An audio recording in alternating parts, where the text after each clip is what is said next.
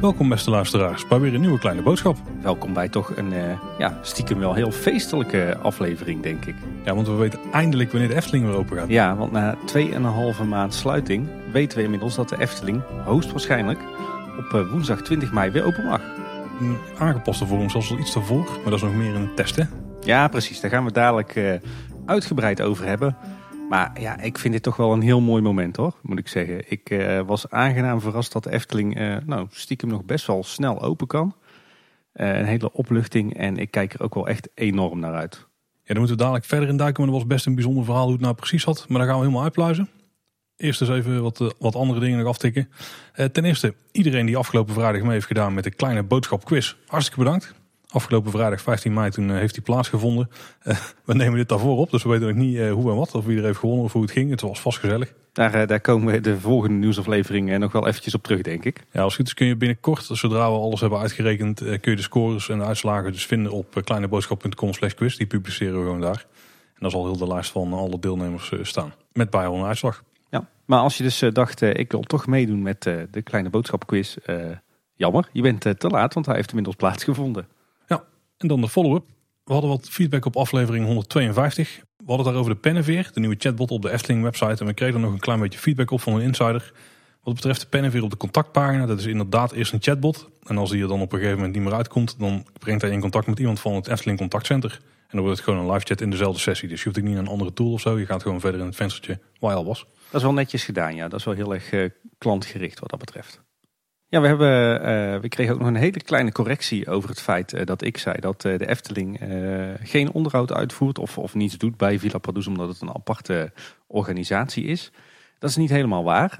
sowieso gaat er natuurlijk ieder jaar via de stichting een deel van de winst van de Efteling naar Villa Padus.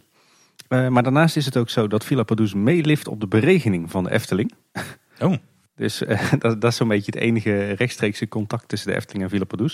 Uh, omdat het bij aanleg nu eenmaal een stuk uh, goedkoper en makkelijker en vooral milieuvriendelijker was om aan te takken op het klaterwatersysteem van de Efteling. En verder hebben we de afgelopen nieuwsaflevering een aantal keer over het keienspoor gehad. daar kregen we ook wat vragen over van wat is dat nou en hoe kom ik daar nou? want een wandeling over het keienspoor is op zich best wel een aanrader in een tijd dat je niet naar de Efteling kan of, of überhaupt niet naar een van je favoriete parken kan. Dat is nu wel een klein beetje ingehaald door de tijd. Maar goed, mensen die toch niet naar de Efteling kunnen of niet willen, die, uh, die, daar is dat misschien wel een optie voor. Nou, wat is het Keienspoor? Even heel erg in het kort. Uh, ten zuiden van de Efteling uh, ligt natuurlijk bijvoorbeeld Loonsland en Bosrijk. Maar ten zuiden daarvan heeft de Efteling ook nog een behoorlijk groot natuurgebied, al sinds de jaren 50. daar zijn we ook al eens overheen gelopen in aflevering 106, waarin we door de wereld van de Efteling fietsten.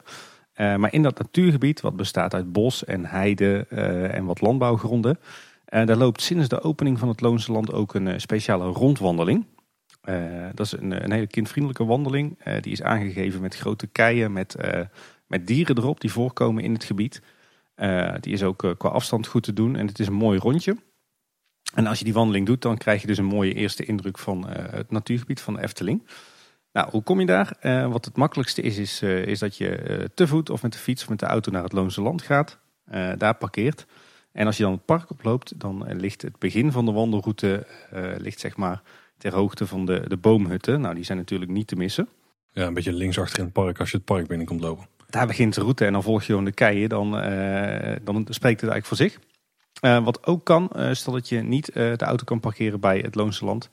dan kan je ook naar de Horst zeg maar de weg tussen de Efteling en de N261. En als je dan vanaf het Efteling Hotel rijdt, uh, dan rij je voorbij Café de Efteling. Daar ligt een, een parkeerplaats in de kant van de weg. Daar zet je de auto niet neer. Je rijdt nog net even iets verder naar de volgende parkeerplaats. Daar zet je je auto neer. En als je dan nog iets naar het zuiden loopt in de richting van Tilburg, heb je op een gegeven moment aan je rechterhand een soort looppoortje in het, in het wildraster. En als je daar naar binnen gaat, dan begint op een gegeven moment aan je linkerhand kom je de eerste kei tegen. En dan begin je halverwege in de route. Maar dat maakt op zich niet uit, want het is een rondje. Dus uh, daar kan je hem ook lopen. Ja, wat ook wel tof is, en dan moet je er wel even mee wachten dat je als uh, bezoeker gewoon het park op mag. Het Loonse Land, want ik weet niet wanneer het open gaat en ik weet ook niet wat de regels dan zijn. Bosrijk mag je bijvoorbeeld nu alleen op als je uh, bezoeker bent van of als je slaapt op Bosrijk. Eh, maar als het straks weer kan en je kan weer het Loonse Landhotel in, dan is het ook heel tof om daar even te vragen naar de route van het Keispoor. En dan krijg je een eh, grote kaart mee waar kinderen dan op kunnen aankruisen welke dieren ze al hebben gevonden op de stenen. Klopt. En die, eh, dan heb je ook een beetje een idee van, eh, van de route en wat je nog moet. Ja, en op, eh, op Eftepedia vind je er ook wat meer informatie over. En wij hebben zelf ook nog plannen om daar misschien ook nog een keer een audiotour op te nemen. Maar dat doen we natuurlijk pas na het coronatijdperk. Uiteraard. Ik kreeg ook nog een klein stukje follow-up op aflevering 153. Dat was de reacties van luisteraars, de afgelopen aflevering. En wat we daar eigenlijk niet echt hebben aangehaald, en ik besefte dan ook toen ik hem aan het editen was, is dat we de voice clip kregen van Benny Monen. Die ging over het verdwijnen van Polka Marina.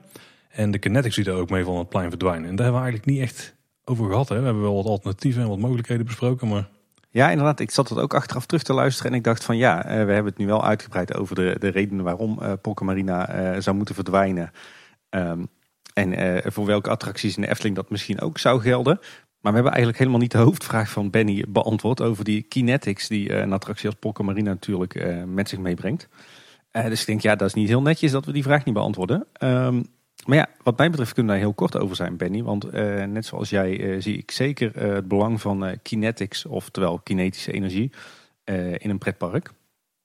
Wat even kort op de bocht wil zeggen dat je dus ook als je buiten rondloopt veel beweging ziet. Of het nou een fontein is, of een, een attractie die ronddraait, of een achtbaantreintje dat je ziet rijden, of een stoomtrein die voorbij komt. Ik denk inderdaad ook dat dat enorm veel leven in de brouwerij brengt. En dat als je dus heel weinig kinetics hebt in je park, dat het dan toch een klein beetje eh, een dode boel is. Dus ja, ik ben het eh, zeker met je eens dat je kinetics moet hebben eh, eigenlijk op iedere plek in je park.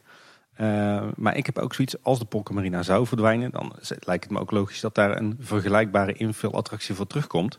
Eh, die vervolgens ook weer die kinetische energie met zich meebrengt, waardoor het toch een levendig geheel blijft. Ja, maar ook al zou dat daar niet het geval zijn, je hebt nog wel de oude tuffer waar de karretjes constant van langs komen rijden. Die komen ook echt continu, want Polka Marina staat, ik denk driekwart van de tijd stil. Dan wordt er geladen en gelost en dan, eh, dan draait hij even en dan staat hij weer, eh, ik denk drie keer de tijd van het draaien stil of zo. Dat was de laatste maanden in ieder geval wel. En dan hebben we nog eh, de halve maan en we hebben ook nog Python die in de verte rondgaat. Dus op zich is er al wel redelijk wat aan kinetics en af en komt de trein nog langs. Dus valt dan niet tegen in Ruigrijk. Nee, klopt. Maar Benny had natuurlijk een verhaal met dat eh Polka Marina beweging brengt op, op een bepaalde hoogte, op ooghoogte. Vandaar dat hij ook voorstelde om dat te vervangen door een attractie die ook wat meer hoogte heeft. Eh, zoals echt een molentje zoals je die veel in de Disneyparken ziet. Denk bijvoorbeeld aan de Orbitron. Ik weet niet of dat daar nou heel erg past, omdat alles op het Ruigrijkplein natuurlijk wat lager is. Maar ik ben het wel met hem eens dat, eh, dat de Polka Marina door een invul vervangen zou moeten worden die ook eh, vanaf de buitenkant zichtbaar heel veel kinetische energie heeft. Ja, ik denk ook best wel lager mag zijn. Hoor. Want ehm, stel Polka Marine zou wel meer op ooghoogte zitten, want eigenlijk zit hij daar net boven. Mhm. Dan zou je natuurlijk wel krijgen dat die, die masten en zo wel gewoon langskomen en dat die langs zwieren. Dus je hebt dan wel gewoon beweging, ook wat in de hoogte. Maar het, neemt gewoon, het is gewoon niet zo'n massief blok wat in één keer midden op je plein staat, want daar is het in principe nu wel. Maar inderdaad, Benny, eh, kinetische energie, eh, kinetics zijn absoluut van belang eh, als je een, een parkdeel ontwerpt. Daar zijn we het allemaal over eens, zeker. Ja, daar gaan we naartoe, Tim. Corona, we beginnen er nou mee.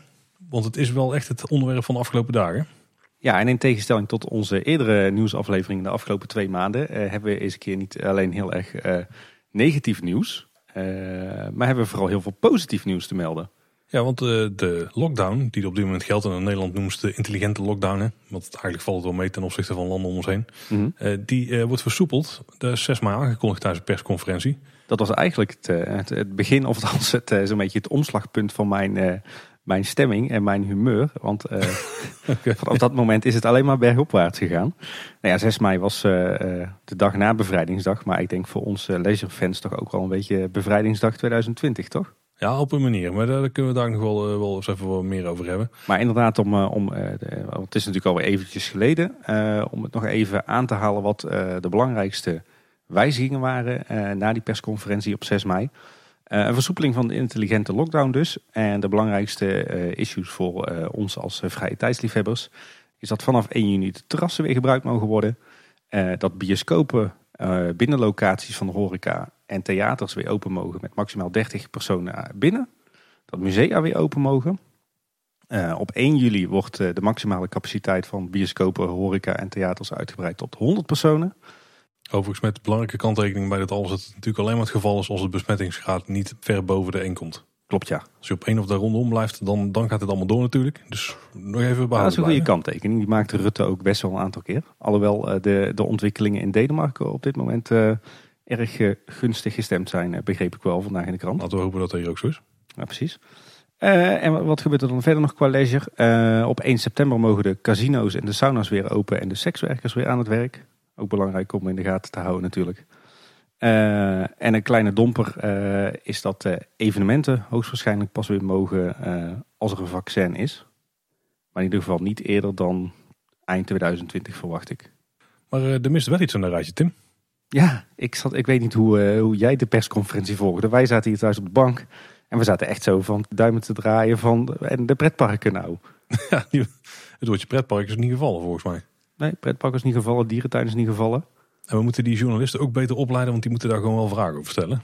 Ja, inderdaad, er zat toch geen Thomas van Groningen in de zaal of zo. Ja, die mis je dan. Hè? Ja. Dus ik, ik zat wel een beetje te nagelbijten van ja, het is allemaal leuk en aardig. Het is in ieder geval al fijn dat bijvoorbeeld de musea open gaan, dat de bibliotheken open gaan. Maar en onze geliefde pretparken nou. Nou ja, we waren niet de enige die daar vragen over hadden. Want er waren volgens mij een hoop pretparkfans en die hebben toen het RIVM bestookt met vragen online. En Ja. ook het ministerie eh, van Volksgezondheid. En eh, uiteindelijk kwamen er wat tweets over eh, dat onderwerp. Ja, het, het RIVM tweet volgens mij één of twee uurtjes na de persconferentie al. Het was een, een vrij bizarre tweet.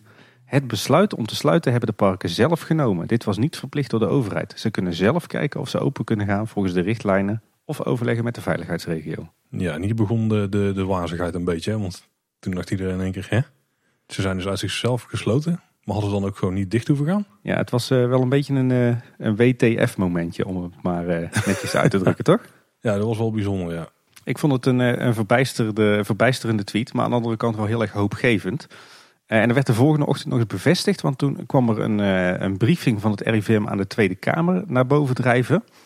En in die briefing was zeg maar de, de versoepeling van de, de lockdown verdeeld in een aantal batches, dus zeg maar een aantal fases. Ehm, en de eerste fase was eh badge 0, met eh, de winkels erin, de markten, vakantieparken, buitenzwembaden en de rechtspraak.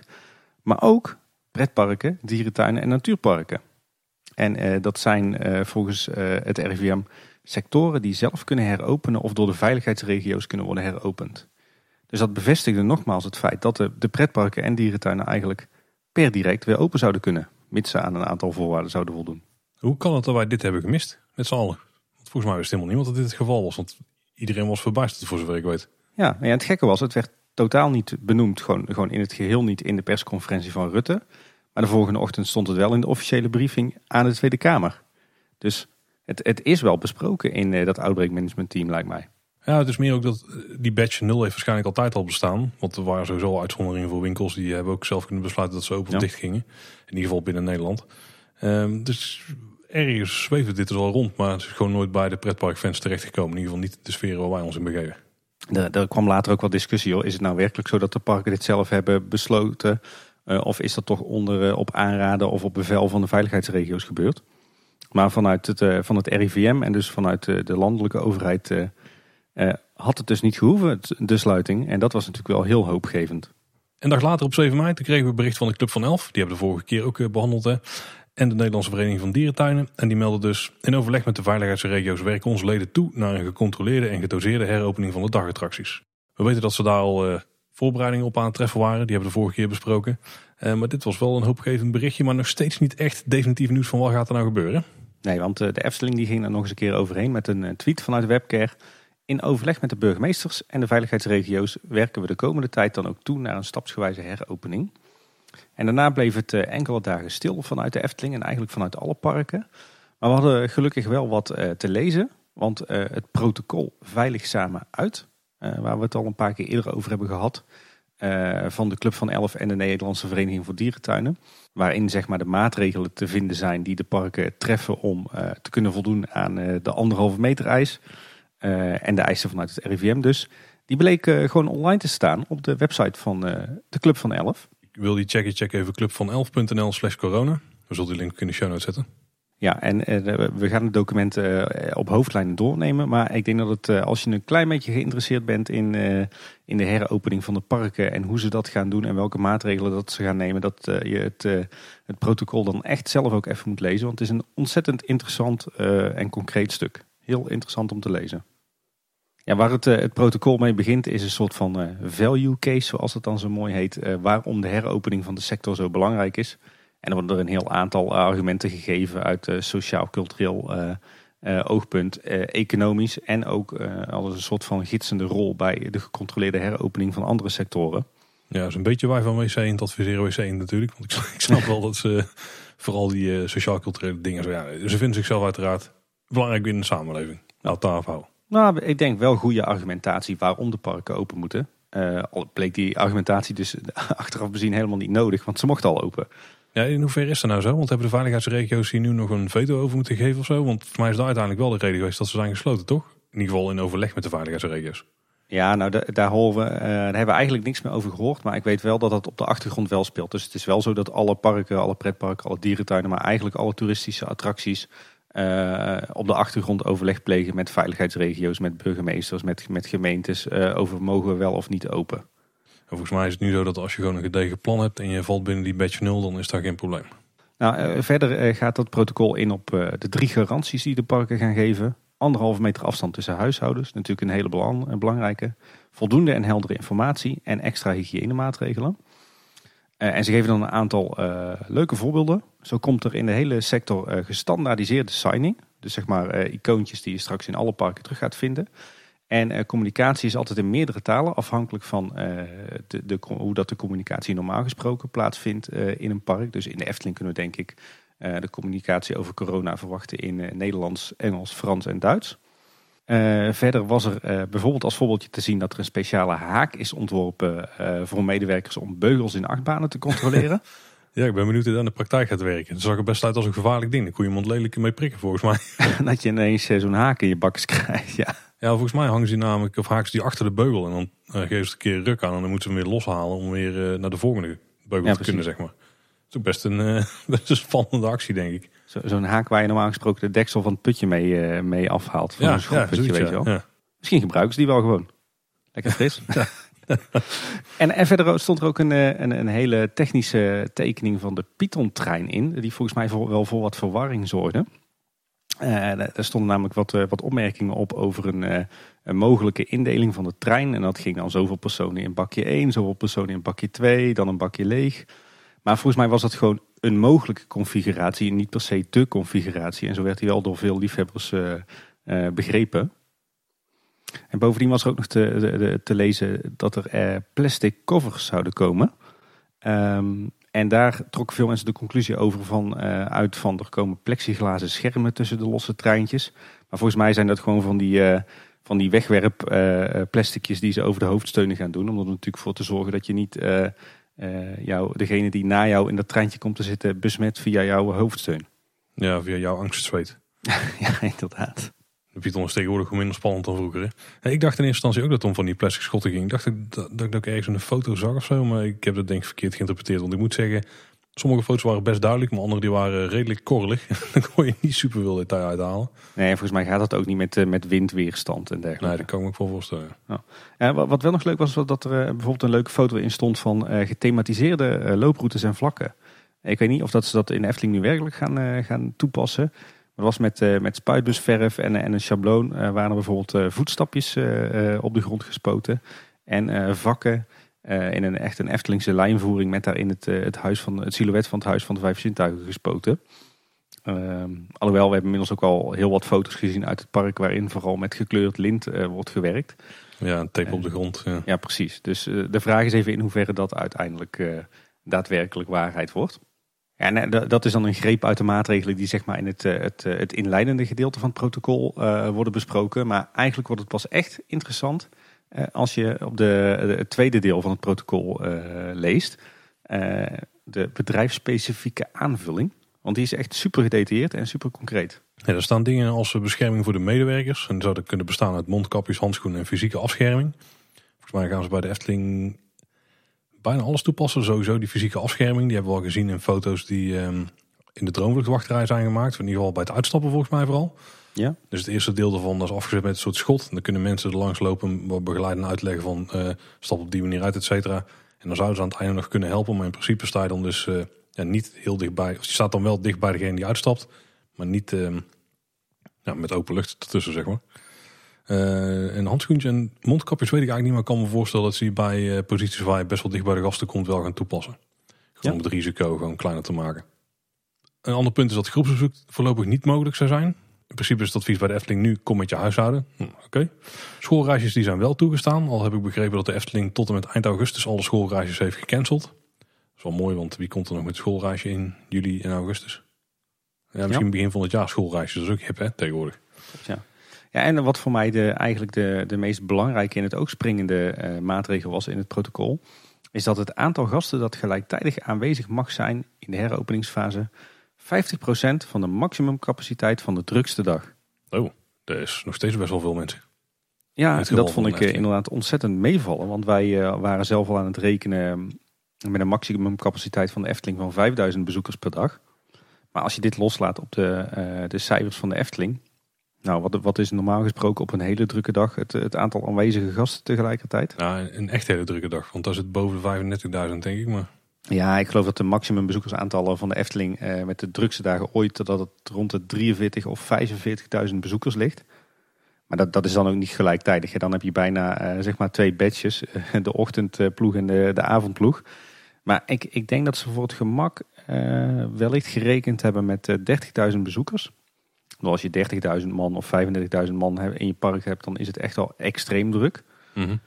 Ja, als je dan, uh, dan rekent met dit aantal, dan zou er, uh, er zouden er uh, tussen de 15 en 17.000 bezoekers in de Efteling mogen nu. maar de Efteling heeft zelf later al wel laten weten van, nee, wij kiezen voor een capaciteit van 1 derde. Dus ik vermoed dat ze afkoersen op 10.000 man per dag in het park. Ja, en ze beginnen wel met minder, hè? dus ze bouwen ja. op naar die 30%. Of naar die 1 derde ongeveer. Ja.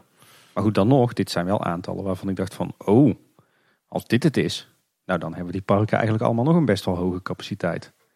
Ja, als je even naar de Efteling kijkt, 10.000, 15.000 man in het park, dat is nog steeds best wel een, een, gezellige drukte. Dus niet zo dat je dan in een verlaten park rondloopt. Ja, misschien dat het nou al vast een beetje eh, hooi op de vork nemen is, maar gezellige drukte, ik denk dat ze daar niet echt op uit zijn. Want nee, precies. gezellige drukte, dat geeft een beetje aan dicht bij elkaar en uh, groepsvorming en dat soort dingen, dat willen ze juist niet.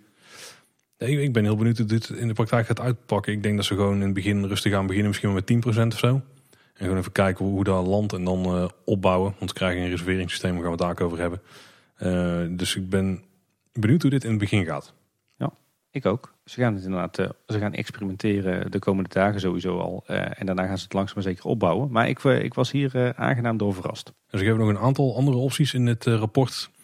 Waaronder de mogelijkheid om dagen op te delen in tijdvakken hebben we volgens mij ook gezien bij de Beekse Bergen bijvoorbeeld. Die hadden het daarvoor al ook over. Wat de Beekse Bergen gaat doen en wat meer dagattracties gaan doen is... Uh, zeg maar wel tijdvakken maken voor uh, het moment dat je het park binnenloopt. Dus om de drukte bij de entree te spreiden. Ik verwacht dat de Efteling dat ook gaat doen. Maar om echt te gaan werken met ploegen. Dus je mag er dan in en je moet er voor dat tijdstip uit. Ik geloof dat, dat Plopsaland dat wilde gaan doen. Ja. Oh, Plopsa heeft dat gedaan. Ja, klopt. Ja, ja. Maar dat is in ieder geval ook een optie. Uh, tickets verkopen op datum of tijd. Of een online reserveringssysteem voor een dag of tijdslot inzetten is ook nog een optie. Ja, dat gaan ze allemaal doen, hè, de parken. Tenminste, ik zeg altijd optie. Dat, is inderdaad geen optie. Dat is gewoon een van de aangeraden dingen. Ik kan, eh, ik kan zelf zeggen, het, het, als we dit opnemen is het eh, woensdagavond 13 mei. Ik heb inmiddels al van één zo'n systeem gebruik kunnen maken. Ja, je hebt Beekse Bergen tickets gescoord, hè? Ja, ja, wij hebben vanmiddag online in de wachtrij gestaan bij de Beekse Bergen. En wij hebben nou hebben ze daar een speciale periode waarin alleen abonnementhouders het park in kunnen. Van een, uh, een, een, anderhalve week. En wij hebben voor twee dagen uh, tickets weten te scoren voor ons vieren. Oh, je kunt ook voor meerdere dagen dan tickets regelen. Dat maakt het op zich niet uit. Ja, daar wordt niet op, op gecontroleerd. Dat is ook geen voorwaarde. De volgende punt, Tim, dat vind ik een beetje vreemd. Er staat ook bezoek in gezelschap wordt gestimuleerd. Maar dan bedoelt dus denk ik vooral dat je niet als enige in je huishouden komt, maar met heel je huishouden. Zodat de capaciteit gemaximaliseerd kan worden. Ik denk inderdaad dat dat wat met capaciteit te maken heeft, ja. Overigens uh, waren er daarna veel vragen van mensen van uh, mag ik dan wel of niet met vrienden komen als we gewoon anderhalve meter afstand houden. Of uh, ik heb uh, mijn vriend of vriendin, wij wonen niet samen, maar we zijn wel altijd samen en we lopen altijd hand in hand en we knuffelen. En nou, laten we maar verder niet op de details ingaan. Mag je dan wel of niet? de webcare van de Efteling stuurde daar gisteren nog een tweetje over uit. En ze zeggen wij hanteren de richtlijnen en adviezen vanuit de overheid en het RIVM. Momenteel is het advies van het RIVM om niet samen te komen met groepen, buitengezinnen en huishoudens. We gaan hierbij uit van het verantwoordelijkheidsgevoel van onze gasten. Is ook nog steeds niet heel concreet, maar ja, ik, ik denk als je je gewoon aan de basisregels houdt, Dus anderhalve meter afstand bewaren van mensen met wie je niet in één huis woont. Uh, dan, dat je dan volgens mij voldoet aan alle regels en richtlijnen, toch? Dat is in ieder geval wel de belangrijkste, ja. We hebben ja. daarnaast natuurlijk alle hygiënemaatregelen genomen. Dat is wel lastig om te controleren. Maar, maar, om even dat concrete voorbeeld aan te halen. Kijk, als jij uh, een vriend of vriendin hebt, jouw relatie zeg maar. En uh, je loopt dagelijks hand in hand en te knuffelen. Ja, dan kun je wel zeggen van ja, maar jullie mogen niet de Efteling samen in, want je woont niet in hetzelfde huis. Ja, dat is, met het gezond boerenverstand snap je natuurlijk dat het ook nergens op slaat. Dat je dan wel telt als gewoon een gezin of een huishouden. Het is wel anders als je met uh, gewoon uh, vrienden die in andere steden wonen of zo uh, die kant op gaat trekken. Dan, hebben ze wel, dan, dan is het advies gewoon wel blijf anderhalve meter uit elkaar lopen. Ja. Een andere regel is dat er om en om wordt ingeparkeerd. Dus houd gewoon steeds één auto ruimte open. Daar zit je al gauw een anderhalve meter in.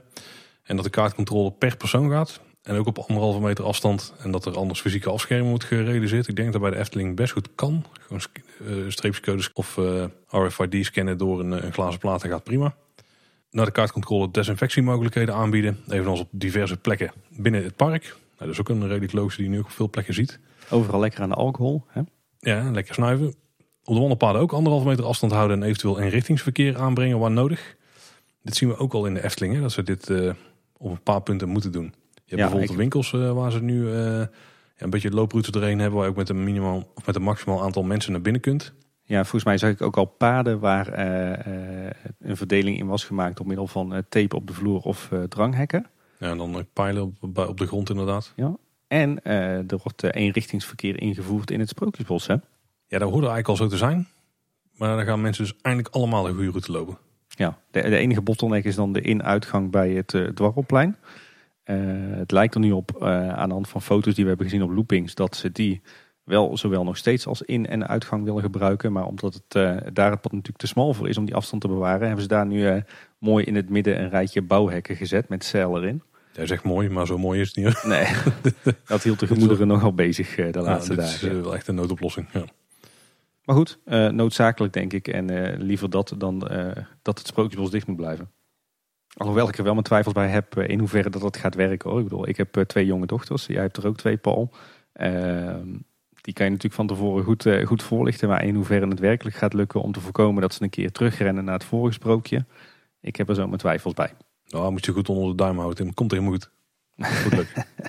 anders moet je gewoon zeggen, anders mag je de volgende keer niet meer gaan. Hè? Nee, precies. Een andere maatregel, het aantal gebruikers per toilet wordt beperkt. Anderhalve meter moet er ook geborgd worden. En als er wordt schoongemaakt, dan gaan de toiletten gewoon dicht. Om de medewerker te beschermen, denk ik. Ja, en ik geloof zelfs dat er over werd gesproken om, uh, om in te voeren dat er na iedere, iedere toiletgebruik meteen de wc werd uh, schoongemaakt. Nou, iedere individuele persoon die ja. na het wc... Oké. Okay. Nou ja, als je, als je uh, zeg maar de richtlijnen vanuit het RIVM aanhoudt, dan moet dat ook wel, hè? Ja, dat klopt trouwens. Ja. Want uh, als het allemaal goed gaat, dan mogen vanaf 1 juli op de campings en zo de, op openbare toiletten in het algemeen open. En ja, het is wel vreemd dat je naar de Efteling wel met uh, 10.000 man naar hetzelfde toilet zou mogen, maar op een andere plek niet. Het is natuurlijk een enorme stijging van de personeelslasten. Uh, of een daling van de capaciteit van het toilet. Maar het, het is wel lekker fris, toch? Ja, dat wel. Hopelijk raken we een jaar gewend aan die luxe. Ja, precies. In ieder geval op dat gebied. Dit is ook natuurlijk eentje die we vooraf al zagen aankomen. In alle wachtrijden worden vakken aangebracht van anderhalve meter. En dan is het zo dat het niet uh, vakken zijn van anderhalve meter, maar je hebt een vak van anderhalve meter wat je vrij moet houden. Dan een deel waar je mag staan. zal ook ongeveer anderhalve meter zijn als ik uh, wat foto's moet geloven. En dan uh, daar is eigenlijk een patroontje wat zich steeds herhaalt. Ik ben wel benieuwd hoe ze dat op een aantal plekken doen. Komt al een beetje zien bij wat foto's die uit Villa Volta kwamen. Bij meandering tussen de afstand van de verschillende rijen. Want je kunt natuurlijk niet gewoon de slingerrij houden zoals ze waren. Want ja, dan sta je misschien wel op anderhalve meter afstand binnen hetzelfde rijvak. binnen dezelfde, tussen dezelfde buizen. Zodra je dan de bocht omgaat, sta je gewoon alsnog naast iemand. En bij Villa Volta hebben ze volgens mij netjes opgelost. Daar hebben ze echt gewoon heel de meandering aangepast. Dus echt gewoon stukken weggehaald, uh, nieuwe buizen getrokken voor de meandering. Zodat je gewoon echt uh, op zijn minst anderhalve meter afstand kunt houden van anderen. Ik vraag me wel af hoe ze dat bij andere wachtrijen doen. Volgens mij is Symbolica op zich een makkelijke. Want daar gebruiken ze nu die enorm lange slinger. Het ja. is helemaal het bos in. Die ga je volgens mij gewoon standaard door. Ja, dan heb je best wel veel ruimte en dan sta je nergens echt langs een andere wachtrij. Ik weet alleen niet hoeveel capaciteit die wachtrij dan nog openhoudt. Maar... Ja, van, vandaar dat natuurlijk de capaciteit van het park ook teruggeschroefd uh, wordt. Hè? Ja, dat is ook zo. Dus dat, dat zijn wel van die punten die zijn interessant. Maar hoe gaan we het doen bij uh, Fata Morgana? Dat is het binnenstuk natuurlijk wel makkelijk. Maar daar is het, uh, buiten, de buitenmeandering is daar wel een drama. Maar die kun je misschien ook gewoon als één rechte rij meenemen. Scheelt ook al licht hoor. Nou ja, ik denk dat je in de, de typische uh, veestallingen, zeg maar, de typische zigzagmeanderingen, dat je daar telkens één rij tussenuit moet laten. Ja, of dat ze die gewoon niet gebruiken. Ik zit net te denken, bij de meeste grote attracties heb je best wel vrijliggende wachtrij of langere routes. Je hebt Joris en de Draak is best, een, uh, is best goed te doen. Ja, het zijn vooral meer de, de, de attracties uit de jaren 80 die nog dat soort wachtrij hebben. En Maximum. Ja, ook, de, ook de Python is goed te doen. Fata Morgana is ook goed te doen. Maximum is, is inderdaad wel een goeie, maar als het die open is, dat weten we nog niet. Uh, droomvlucht, zou, ja, droomvlucht is wel een lastige. Daar moet je wel echt wat doen. Als je daar een hele slinger buiten maakt. Uh, dus ook door het buitendeel en dan weer naar binnen. Dan hoef je niet eens heel veel aan te passen. Dan kom je best wel, uh, best nog wel met een aardig stuk wachtrij, denk ik. Ik vermoed dat ze bij iedere, bij iedere attractie de, zeg maar de wachtrij bestudeerd hebben. Dat ze daar gewoon een routing in hebben gemaakt. waarbij dat je elkaar dus niet tegenkomt op minder dan anderhalve meter afstand. En dat ze daarna lekker met de, de slijptol en het lasapparaat aan de slag zijn gegaan om die meanderingen aan te passen. Ja, of met kettingjes. Ik denk dat ze op heel veel plekken niet eens zo heel moeilijk hebben hoeven doen. Zeker met de verminderde capaciteit. Nou, bij Villa Volta waren ze toch flink aan het slopen, zag je al op, teken, op foto's. Ja, daar wel. Dat is ook een van de weinige plekken waar als je een rechte lijn zou trekken van ingang naar, uh, naar deur, dat, dat je daar misschien met 20 man kan gaan staan wachten. Dus dat schiet niet echt op. Dus daar snap ik het wel, ja. Nou. Nee, ik ben heel benieuwd als het park open gaat, dus de overal hebben opgelost. Maar ik ben sowieso wel benieuwd naar heel veel uh, heel veel dingen hoe ze daar invulling aan hebben gegeven. Maar we zijn nog niet door de lijst heen, eh, Tim. Nee, inderdaad. Uh, in, want dan gaan we eigenlijk in de attractie. En dan uh, is het zo dat als je een voertuig instapt, dat dat per gezelschap gaat. En dat je natuurlijk ook alleen maar naast iemand uit je eigen gezelschap kan gaan zitten. En dat in voertuigen, dus denk aan bootjes of achtbaantreintjes, dat daar uh, minimaal anderhalve meter afstand tussen de gezelschappen onderling gaat zitten. En ik denk in de praktijk dat het betekent dat bijvoorbeeld in de Fata Morgana dat je, dat je de eerste en de laatste rij van het bootje gebruikt. Dat je in symbolica maar met één gezelschap in de fantasievader mag. Dat je maar met één gezelschap in een gondoletterbootje mag. Dat ze bij Carnaval Festival uh, telkens een, uh, een gondel over, openlaten tussen gezelschappen. Uh, dat soort maatregelen. Hè? Ik denk dat het ook best prima gaat werken. Ja. Ik zat te denken bij Symbolica, ja, dat is wel zonder maar één gezelschap per voertuig. Maar uiteindelijk mag de voorshow natuurlijk ook niet zo vol. Nee. Maar ja, in andere attracties wordt het best, best interessant. Want hoe ga je dat bijvoorbeeld in de pagode doen? of hoe ga je dat op de stoomcarousel doen of op draaimolens. Dan wordt toch ook veel, veel improviseren van personeel en van gasten zelf, denk ik. Uh, verder is het zo dat er ook bij attracties uh, desinfectiemogelijkheden gaan zijn voor en na het bezoek. dat beugels extra worden schoongemaakt en dat er geen fysiek contact gaat zijn tussen personeel en gasten. Met uitzondering van tijdens evacuaties. En dan krijgt het personeel extra persoon persoonlijke beschermingsmiddelen. En de winkels gaan ze voor een maximum aantal gasten. En het gemiddelde daar is ongeveer 1 per 10 vierkante meter. En zo kun je overal anderhalve meter borgen. En ook in paden en zo gaan ze dus regelen. Dus ook inrichtingsverkeer hier, een eh, bepaalde routing door, het, eh, door de winkel heen. En ook fysieke afscherming bij de kassa's. Nou, dat kennen we inmiddels wel als je een keer in de supermarkt bent geweest de afgelopen tijden. Ja. Uh, in, de, in de horeca gaat enorm veel gebeuren. Nog even los van uh, wat wanneer is toegestaan, daar komen we dadelijk nog wel op. Uh, maar voor de horeca zijn er een heel aantal opties. zo kan het zijn dat medewerkers de gasten aan tafels gaan begeleiden. In plaats van dat mensen zelf op zoek moeten naar een leeg tafeltje. dat je eerst een tafel moet nemen en daarna pas naar de counter mag om je bestelling af te halen. Of lijken me dat twee zaken die voor mij ook buiten het coronatijdperk wel mogen blijven. er moet minimaal twee meter tussen de tafels gaan zitten. Uh, minimaal een halvering van het beschikbare aantal tafels en stoelen. Er worden vlakken gemaakt op de vloeren. In- en uitgangen worden gescheiden. Uh, als het bij Bali-verkoop en counters komen gemarkeerde wachtvakken. Nou, die zien we de laatste tijd wel vaker. Bij horeca waar je kan afhalen. er zal een beperkt en aangepast assortiment zijn. Bij voorkeur volverpakt. Er wordt veel meer gewerkt met disposables. Nou, dat is een beetje strijdig met het hele duurzaamheidsverhaal natuurlijk. Maar goed, we leven in bijzondere tijden. Uh, bij bediende restaurants zal vaker gewerkt worden met uh, buzzers uh, of online bestellen via een app. Ook als een maatregel die denk ik de toekomst heeft. En vaak zal ook de zelfbediening vervallen. En is het zo dat de medewerkers de handelingen verrichten en jouw maaltje opscheppen. En dan hebben we natuurlijk ook nog het entertainment. En daar geldt geen fysiek contact tussen gast en acteurs. Altijd anderhalve meter afstand houden, logisch natuurlijk. En als dat niet lukt, dan vervalt het echt gewoon. Ja, alhoewel we Fons Jurgens wel hoorden zeggen ergens, volgens mij in een personeelsblad of in een interview, dat uh, de Efteling er ook aan zit te denken om juist acteurs in te zetten om de guestflow te begeleiden. Ja, dat vond ik eerst vreemd klinken, maar uiteindelijk zit er wel iets in. Want ik denk dat als je op bepaalde drukke punten daar acteurs zet in een hoekje die weer wat rustiger is, dan verspreid je de mensen wel weer wat meer. Ik denk dat dat datgene is wat hij bedoelde daarmee. Ja, inderdaad. En ik denk dat het ook echt wel kan werken. Ik bedoel, in plaats van dat je een personeelslid met een geel hesje en en uh, een zaklantaarn met zijn oranje kegel uh, neerzet om mensen oh, door ja, te sturen. Op zijn, op zijn Disney's. als je in plaats daarvan een sleutelier neerzet of sprookjesbosfiguren, dan kan je er nog een beetje, beetje jeu aan geven, toch? Ja, ja, ja zeker. Al met al een interessant protocol. er staat nog veel meer in, dus je moet hem echt even downloaden. En er staan ook behoorlijk wat foto's vanuit de Efteling in het protocol. Dus het is wel duidelijk wie er vooral aan hebben meegeschreven. Bijvoorbeeld foto's van Station de Oost en de Efteldingen. Waar je dus heel veel van die vakken op de vloer ziet van anderhalve meter. Maar er is bijvoorbeeld ook in te zien dat de Efteldingen een capaciteit gaat krijgen van maximaal 28 personen. waarbij maximaal één persoon per gezelschap de winkel in kan. Mhm. Oh, en dan komt trouwens later ook nog een update. Ravelijn gaat in ieder geval tot na de order niet door. Oh, dus dat is dan een van die shows die ze dus wel hebben gecanceld. Ik denk vooral omdat je daar de afstand tussen de acteurs zelfs niet echt uh, kunt bepalen. Daar heb je geen invloed op. Want anders dan wordt de show heel vreemd. Dan ga ik jou slaan en dan twee meter verder dan vliegt er een van het dak af. Ja, daar. hebben ze in één keer allemaal force powers. Dan kunnen ze misschien een Star Wars sausje overheen gooien. Ik wou net zeggen, ik zie uh, mogelijkheden. Ja. wel jammer hoor, denk ik. Op zich was het qua publiek wel te regelen, denk ik. Met uh, iedere keer één of twee rijen leeg laten. Ja, ja op zich wel. Ja.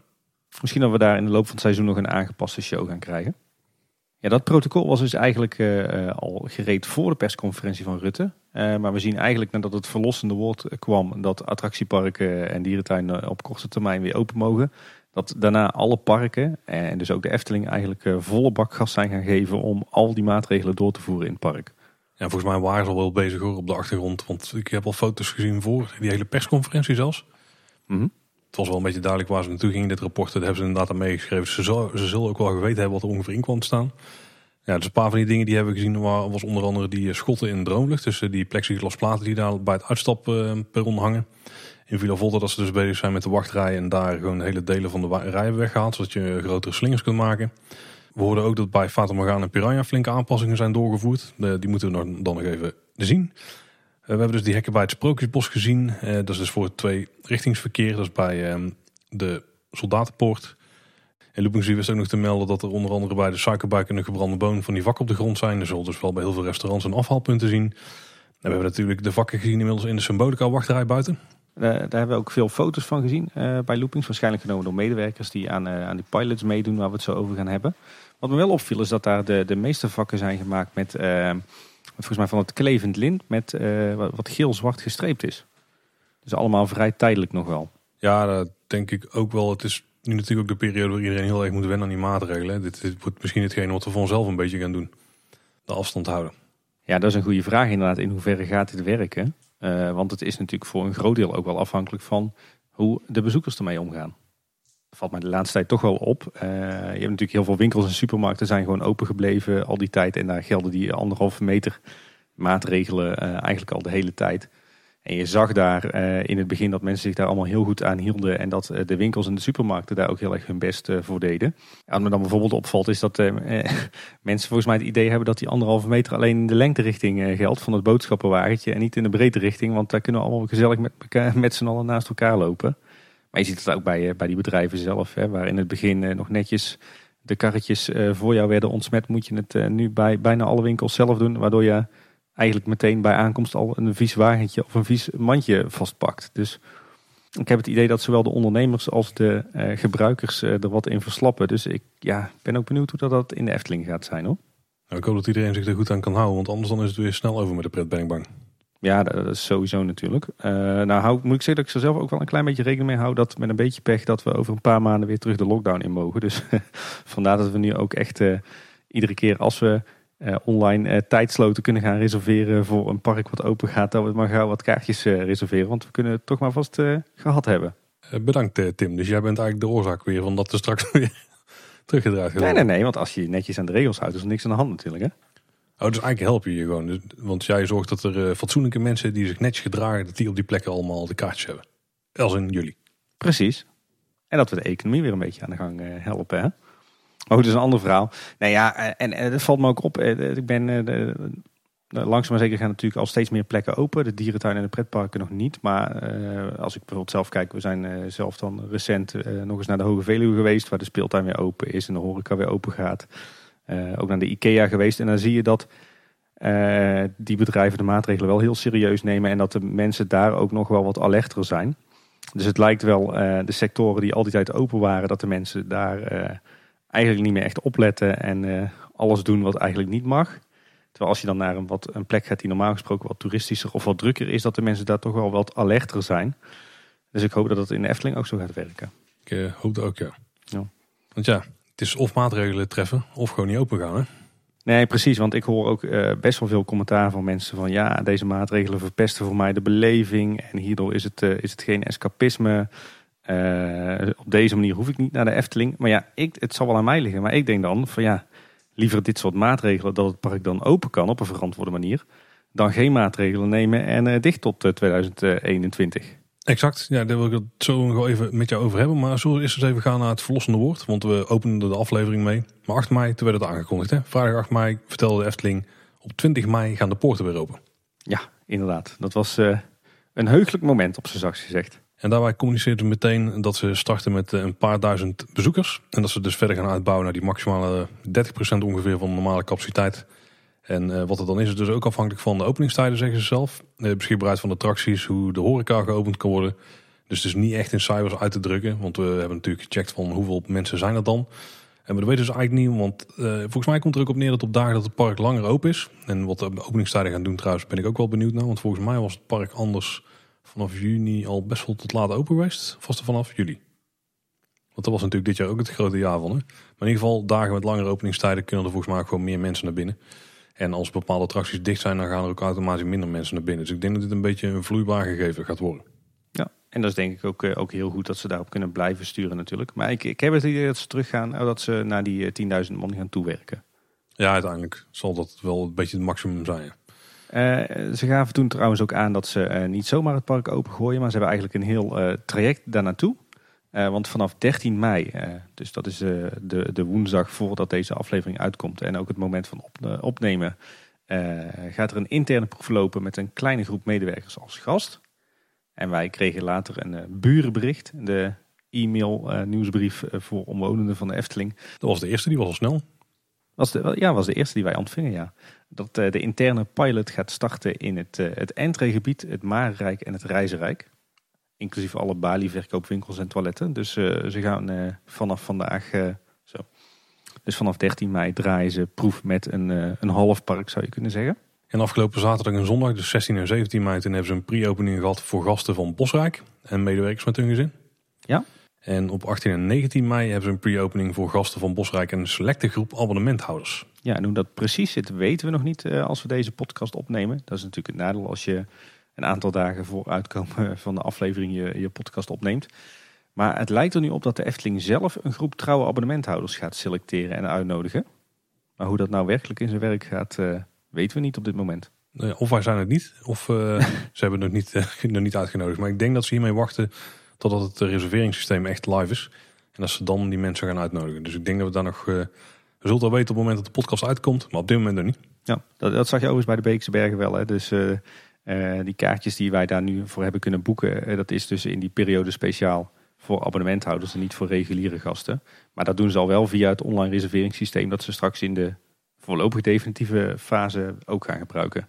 Wat Loopings nog wist te melden is dat de horeca binnen de Efteling tot 1 juli alleen maar afhalen wordt. En daarna gaan terrassen open met maximaal 30 personen in de restaurants. En dan volgt eigenlijk gewoon uh, de richtlijnen van het RIVM en de overheid. En op de website van de Efteling vonden we bij de veelgestelde vragen nog terug dat ook abonnementhouders van tevoren eh, hun kaartje moeten gaan reserveren. Uh, en dat uh, dus wat betreft die pre-opening voor abonnementhouders, dat een trouwe achterband proactief wordt geselecteerd voor de pre-opening. Ik heb nog steeds geen idee hoe dat nou gaat werken. Zou het gewoon echt om het aantal bezoeken gaan of zo, wat je gemiddeld het aflegt? Of? De, de euro's die je uitgeeft. Oh ja, dan zitten we wel goed. Dan, dan zitten wij erbij.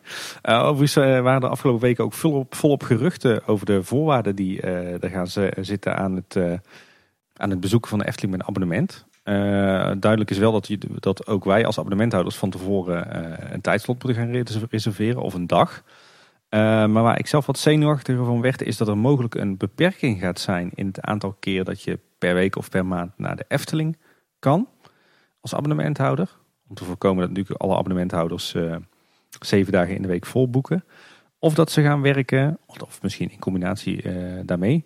Uh, met dat je als abonnementhouder maar één datum kan reserveren. Dat je dan dat bezoek achter de rug moet hebben en daarna pas een volgende datum kan reserveren. Alleen de vraag is dus even, Zijn dit geruchten of is dit wat we, is het systeem wat we gaan krijgen? Ik zou het niet erg vinden als het wel waar is, want ik vind het best wel een fair systeem. Want anders krijg je dat mensen gewoon uh, al die sloten gaan volboeken en misschien niet eens opkomen dagen. Zeker voor abonnementhouders, want ja, die hebben toch niks te verliezen, want het kost je niks. En op, dit moment, op deze manier dan kun je wel garanderen dat iedereen die wil gaan, of nou dat kun je niet garanderen, maar als de kans veel groter dat iedereen die wil gaan ook echt kan gaan. En ik denk dat dan ook de toestroom van het aantal mensen wel, wel beter is. Ik denk dat je dat ook bijna niet kunt voorkomen hoor, met uh, zoveel tienduizenden abonnementhouders als de Efteling heeft. Nee, dan kun je zo wel een paar weken volboeken, zeg maar. Ja. Nou zou ik er wel goed ziek van zijn als het uh, bijvoorbeeld, uh, want dat hoorde ik ook her en der, als je maar één keer per maand als abonnementhouder naar de Efteling mocht. Nou is dat natuurlijk altijd beter dan niets, maar dat zou ik toch wel een hele bittere pil vinden hoor. Ja, maar het is, een, het is beter dan niks hè. Ja, afwachten. Ik moet zeggen, als het voor een maand lukt om 10.000 mensen per dag binnen te halen, dan denk je met de abonnementhouders toch niet zo'n heel groot deel. Want er zijn er 70.000 of zo, 80.000. Ja, ergens in, in die regio, ja. Ik ben benieuwd. Dus dit, zal wel niet één keer per maand zijn, vermoed ik. Het zal wel, misschien wel, wel vaker zijn. Want ik ga er ook niet vanuit dat alle abonnementhouders die kant op komen. Sterk nog, een, een, deel daarvan die kan niet eens komen. Want die zit op dit moment gewoon aan de andere kant van de grens. Die wonen in Vlaanderen of in Wallonië. En dan kun je gewoon het land niet inkomen op dit moment. Nee, en ook Nederlandse abonnementhouders. Er zijn er heel veel die ook niet willen komen. Hè. Ik verbaas me erover hoeveel mensen zeggen van... Uh, als de parken open gaan, gaan wij er zeker niet naartoe. En dat zijn echt niet alleen dagjes mensen. Dat zijn ook uh, hele trouwe bezoekers en abonnementhouders en fans die zeggen van... nou, voor mij voorlopig geen Efteling of ander pretpark of uh, dierentuin. Nee, ja, inderdaad. Ja. Overigens uh, viel mij nog op, ja, we springen een beetje van de hak op de tak, maar er valt ook zoveel te vertellen, dat uh, de veiligheidsregio in het Brabants Zakblad nog aangaf dat er vanuit hun geen regels zijn voor het maximum aantal gasten. Het enige wat voor hun telt is dat die anderhalve meter afstand tussen huishoudens in acht genomen uh, moet kunnen worden. En als dat kan, dan hebben zij eigenlijk geen regels of richtlijnen over het maximum aantal mensen in een park. Ja, dat is echt bizar. dus, nou, ik vind het toch wel een bijzondere, dat het dan niet hoeft per se. Ja, eh, we buitelen een beetje over de verschillende regels en richtlijnen vanuit RIVM, vanuit het ministerie, vanuit veiligheidsregio. Uh, wat is nou een regel, wat is nou een richtlijn, wat is nou een advies? Uh, en dat verandert per week, per dag lijkt het wel. Dus het is, uh, het is allemaal vrij ondoorzichtig. Ik kan me ook voorstellen dat het voor een, een, Efteling of andere bedrijven in de sector ook best wel frustrerend is. Van ja, hoe moeten we hier nou in vredesnaam mee omgaan? Zal er misschien iets meer sturing gehad. Of willen hebben in ieder geval. Ja. Ik denk dat de allerbelangrijkste regel die er gewoon is, houd die anderhalve meter afstand. Als je die kunt garanderen binnen, je, ja, binnen jouw organisatie, dan, uh, dan ben je in principe gewoon uh, goed. En ik kan me voorstellen dat op bepaalde, of in bepaalde parken makkelijker is dan in andere. En dat ze daar misschien niet per se met het maximum aantal willen, ja, willen praten, willen, willen schermen of zo. Ik heb geen idee. Misschien werkt het ook wel de andere kant op, hè? om te voorkomen dat ze straks te horen krijgen van, hè, stel een park als Efteling wordt te druk met, met een uitspraak als deze kan de Efteling straks niet zeggen van ja, maar jullie vonden het toch goed dat we uh, op 50% van de capaciteit gingen zitten. En dan kan zo'n veiligheidsregio zeggen van ja, dat is allemaal leuk en aardig die capaciteit. Dan heb je maar duizend man in het park. Als die anderhalve meter niet handhaafbaar is, dan is het gewoon uh. Dat is misschien bijzonder dat de media er vooral uitpakt dat er geen maximum is. Want dat klinkt al zo van ja, er zijn geen regels. Maar ik vind jouw beredenering goed Tim, ik uh, hou die aan. Ik denk dat dat dan is. Ja. Is ook nog een mail naar abonnementhouders. Daar stond onder andere in dat je tot 31 augustus geen andere parken kunt bezoeken met je abonnement. En verder stond er een hoop dingen in wat we wisten, maar dat was wel een nieuwtje eruit. Vind ik trouwens raar, want wat nou stel dat we uh, bijvoorbeeld in augustus weer uh, mogen gaan reizen. En dat weten we natuurlijk nu op dit moment helemaal niet. Uh, en stel je gaat naar een land waar de parken ook open zijn. Waarom zou je dan met je Efteling abonnement niet in Europa Park kunnen? Of niet in Fantasieland of niet in Liseberg? Omdat abonnementhouders volgens mij ook niet in Europa Park zelf mogen. Hmm. Dus ik denk dat die parken onderling hebben afgesproken dat ze die voordelen gewoon nu op dit moment niet meer hebben. Uh, gewoon omdat het praktisch niet kan, omdat er dwars ligt met de plannen die ze lokaal daar uh, hebben. Of de regels waar ze zich misschien lokaal aan moeten houden. Ja. Ik kan me voorstellen dat het zoiets is. En anders, eind augustus is gewoon wel een enorm ruime marge. Maar dat is wel de makkelijkste manier om controle te houden. En om ook te voorkomen dat mensen de halve, het halve continent gaan doorrijden om bij een park te komen of zo. Ja, nou, toch trouwens over abonnementhouders hebben. Uh, er is ook aangekondigd dat uh, de, de compensatieregeling dat die stopt op 20 mei, omdat het park dan uh, open gaat. En ik merkte onder veel Belgische liefhebbers en vrienden van ons dat daar behoorlijk wat frustratie was, omdat zij natuurlijk tot nadere orde niet naar Nederland mogen reizen. Maar nu zag ik recent ineens een berichtje, een reactie van de webcare waarin stond op dit moment is er nog geen aangepaste compensatieregeling voor Efteling abonnementhouders uit het buitenland. Wanneer dit verandert delen we deze informatie uiteraard met je. Ja, daar lees je toch wel tussen de regels door dat ze er misschien nog niet over gedacht hadden, maar dat ze er nu wel degelijk iets mee gaan doen. Ja, lijkt me wel meer dan fair. Dat moeten we gewoon doen. Ik denk inderdaad als jij in België woont, dat jouw compensatieregeling door moet lopen tot het moment dat je weer mag gaan reizen en de Efteling kunt bezoeken. Overigens is het vandaag, eh, terwijl we opnemen, dus eh, woensdagavond 13 mei. En vandaag is de pilot begonnen. De eerste proeven met een, zeg maar een selecte club van personeel. En ik kwam vandaag toevallig op de fiets langs de Efteling. En het viel me inderdaad op dat alle attracties aan het draaien waren. Overigens ook in Ruigrijk en Anderrijk. En dat er weer volle bedrijvigheid was. De parkmuziek stond aan, er liepen mensen, er werd gegeeld, geroepen. Eh, de, eh, het geratel van kettingliften. Het, eh, het voelde ineens weer totaal anders dan de afgelopen 2,5 maand. Ja, jouw hart ging weer sneller kloppen, Tim. Ja, absoluut. Ik word er echt wel gelukkig van hoor. Ik, ik ben aangenaam verrast dat, dat de parken ehm, nou, sneller open mogen dan ik van tevoren had gevreesd. Het is wel echt een, een enorme opluchting. Ook voor de Efteling als bedrijf en, en voor de, het toekomstperspectief, denk ik. En het financieel perspectief. Dus ik ben bijzonder opgelucht eh, dat we binnenkort weer naar de Efteling mogen. Al is het op een aangepaste manier en al weten we natuurlijk nog niet eh, met welke voorwaarden en hoe vaak en hoe dan. Ik moet wel zeggen dat wat betreft die um, abonnementenhoudercompensatie, ik had het op zich ook niet erg gevonden als ze nu hadden gezegd van die compensatie die, die loopt door. Al weet ik niet hoe financieel interessant het was daar, zou zijn geweest. Uh, maar als je naar de Efteling wilde kan, dan moet je gewoon een kaartje kopen, net zoals andere gasten. Gewoon uh, om te voorkomen dat mensen die nu niet willen gaan, dat die dus wel, ja, die worden nou eigenlijk beroofd van compensatie omdat het in hun ogen misschien niet verantwoord is. Of die willen gewoon wel voorzichtiger zijn. Of die vallen misschien in een risicogroep die liever niet uh, richting park gaan. Of die hebben die beleving gewoon liever niet. Want ik zie het eigenlijk als een soort extended special event. Waar je het park in een unieke, ja, hoe moet het hoe bijna noemen, uniek decor kunnen bezoeken. Unieke sfeer. ja, unieke sfeer, ja. Dus een event met zijn eigen sfeer, zeg maar, de komende maanden. Voor mijn gevoel. Dus zo, zo, zie ik het gewoon een beetje. Dat is, dat is denk ik een makkelijke manier om uh, ja, de bijzonderheid van de situatie in het park nou wel uh, ja, weer te geven. Toch het Corona Festival dan? Er is zeker het Corona Festival, ja. Ik, weet niet wat ze met de steentje hebben gedaan wat bij de Piranha staat. Staat er altijd in de zomer, hè. De, Piranha, de corona stand, die zal wel weg zijn of weg blijven ook. Ja, nou weet, ik niet of ik me heel erg eh, fijn zou voelen bij jouw regeling. Want dat zou betekenen dat in plaats van dat ik nu, hè, stel de compensatieregeling die stopt nu per 20 mei. En stel ik zou twee of drie keer per maand naar de Efteling mogen of één keer per week. En ik ga er gebruik van maken. Dan kost mij dat niks extra's. Maar als we dan jouw voorstel zouden aanhouden. Dan kost mij dat uh, op, op, op maandbasis ineens uh, 300, 400 euro. Ik weet niet of dat nou heel fair is. Dat is ook om een beetje te voorkomen dat het heel druk wordt hè? Nee, dat is niet ver, maar je hoeft ook niet vier, vijf keer in de maand te gaan. Hè? Tuurlijk wel, Paul. Daar kies je dan zelf voor natuurlijk. Ja, je zou abonnementhouders misschien wat korting kunnen geven of iets in die geest naast die compensatie. Maar met die compensatie, ja, je moet wel twee maanden sparen ongeveer om één ticket eruit te halen. En dan heb je het nog niet eens, denk ik. Nee, daar heb je het nog niet eens. Het is een suggestie, maar het is meer. Ik denk dat er nu best wel veel mensen die compensatie in één keer niet zo heel tof vinden. Omdat ze dus nu al zeggen van, nu stopt hij gewoon. Sinds het nu niet, maar de twintigste. Ja, nou ja, zegt dan maar, ik vind het op zich wel logisch. even ervan uitgaande dat we dus vanaf 20 mei het park in kunnen zonder al te veel beperkingen. Dat je zegt van ja, dan geldt jouw abonnement gewoon weer. Ja, maar dat is, dat is misschien iets te kort door de bocht. Want de Efteling kiest er nu wel voor om over te gaan. Maar er zijn heel veel plekken waar je nog niet in de Nederland gewoon naar binnen mag. En in België al helemaal niet. Er zijn de regels nog veel strikter. Dus hetzelfde is bijvoorbeeld met die toiletten. Je kunt niet naar een camping toe, uh, op, een, op een camping naar het toilet toe. Dan gaan er niet uh, eh, 13.000 man op één uh, camping doen, denk ik. maar je kunt wel bij de Efteling met z'n allen naar het toilet. Het is een keuze om na 20 mei nog niet naar de Efteling te gaan. Kijk, het is toch ook niet zo dat jij eh, je geld terugkrijgt als je zegt van poeh, het is zo'n slecht weer vandaag, ik ga toch maar niet naar de Efteling. Dat is ook een keuze. Dan krijg je je geld van je abonnement ook niet terug. Ja, maar dat is toch anders dan de omstandigheden die er nu zijn, hè? Is niet dat het virus nu weg is of zo en dat we met z'n allen veilig naar het, uh, gegarandeerd veilig naar het park kunnen. Het is ook heel erg de vraag hoe andere gasten zich gedragen. Groot die het risico maken. Ik weet ook bijvoorbeeld niet hoe beveiliging daarmee omgaat. Als mensen zich heel bewust uh, niet aan die regels houden dat ze dan gewoon het park uit worden gezet. Er is nog niks over uh, gemeld of zo.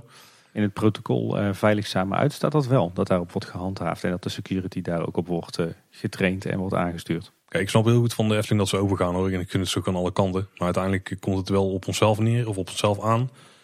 wat we daar doen. Want de keuze dat je naar het park gaat, die ligt nog steeds bij jezelf. Kijk, als jij je er niet goed bij voelt of je zit misschien in een risicogroep of we hebben ook luisteraars gehoord, dat kan het gewoon niet. Uh, dat dwingt volgens mij de werkgever zelfs af dat ze niet buiten bepaalde provinciën mogen reizen of zo. De verantwoordelijkheid ligt nog steeds bij jezelf. En ik denk dat we die ook met z'n allen gewoon moeten, moeten dragen. Dus als je naar het park gaat, gedraag je gewoon netjes. Houd die anderhalve meter afstand. Ben er ook gewoon heel bewust van en ben er heel actief in. En geef andere mensen gewoon de ruimte als je ergens in een pad loopt. En dan komen mensen aan, ga gewoon aan de kant lopen en ga niemand dwars liggen. Ik denk als we dat met z'n allen doen, dan is de kans dat dit een succes is een stuk groter dan uh, als we net als in uh, wat jij in de winkels merkt gaan verslappen en zo. Ja. Ik moet zeggen dat ik, ik was vooraf best sceptisch. Ja, niet, niet per se sceptisch, maar toch wel van, het is misschien wel snel.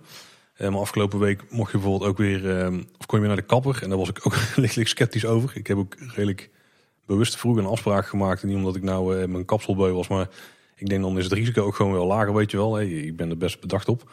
Um, want dan zijn die mensen met zo min mogelijk mensen in aanraking geweest. Maar ik stond er nog van te kijken hoe het eigenlijk al geregeld. Gewoon uh, iedereen kreeg zijn eigen schortje om. Uh, de afstand tussen de stoelen was gewoon ruim. Kapsels zelf die hebben volgens mij vanuit de bond ook allemaal een mondkap op. Of tenminste vanuit hun uh, vakgroep hebben ze dat daar bepaald te doen. Vooraf moest je je handen ontsmetten. De kapsels zelf die ontsmetten ook hun handen voor en na het knippen. En volgens mij tijdens ook nog zelfs een keer.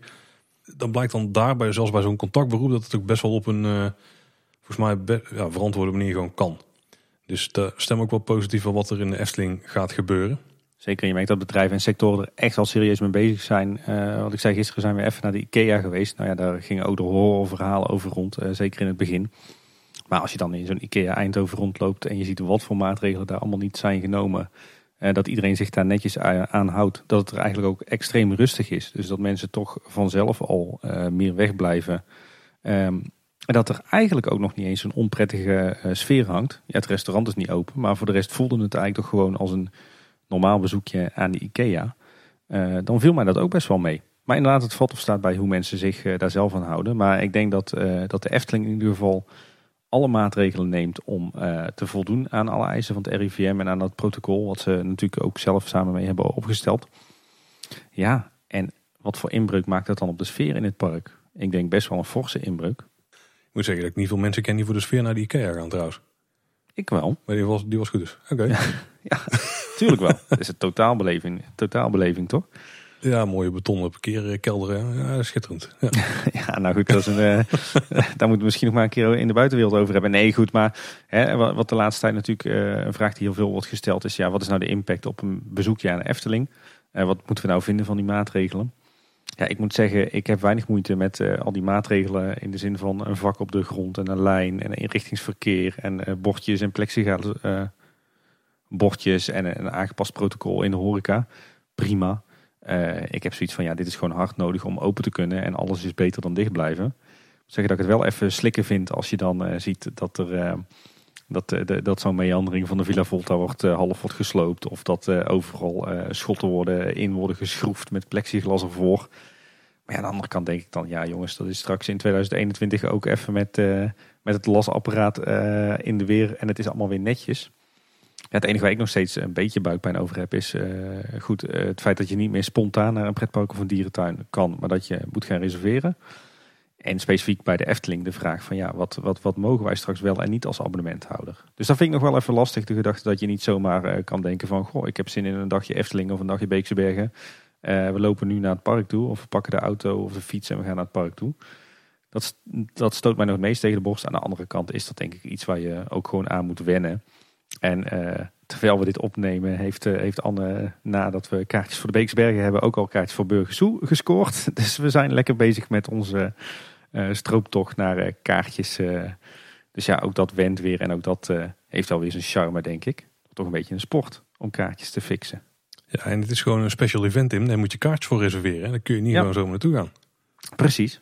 Ik, maar ik, ik moet, moet, moet eerlijk bekennen dat, uh, dat ik misschien ook nog best wel zin heb in deze fase.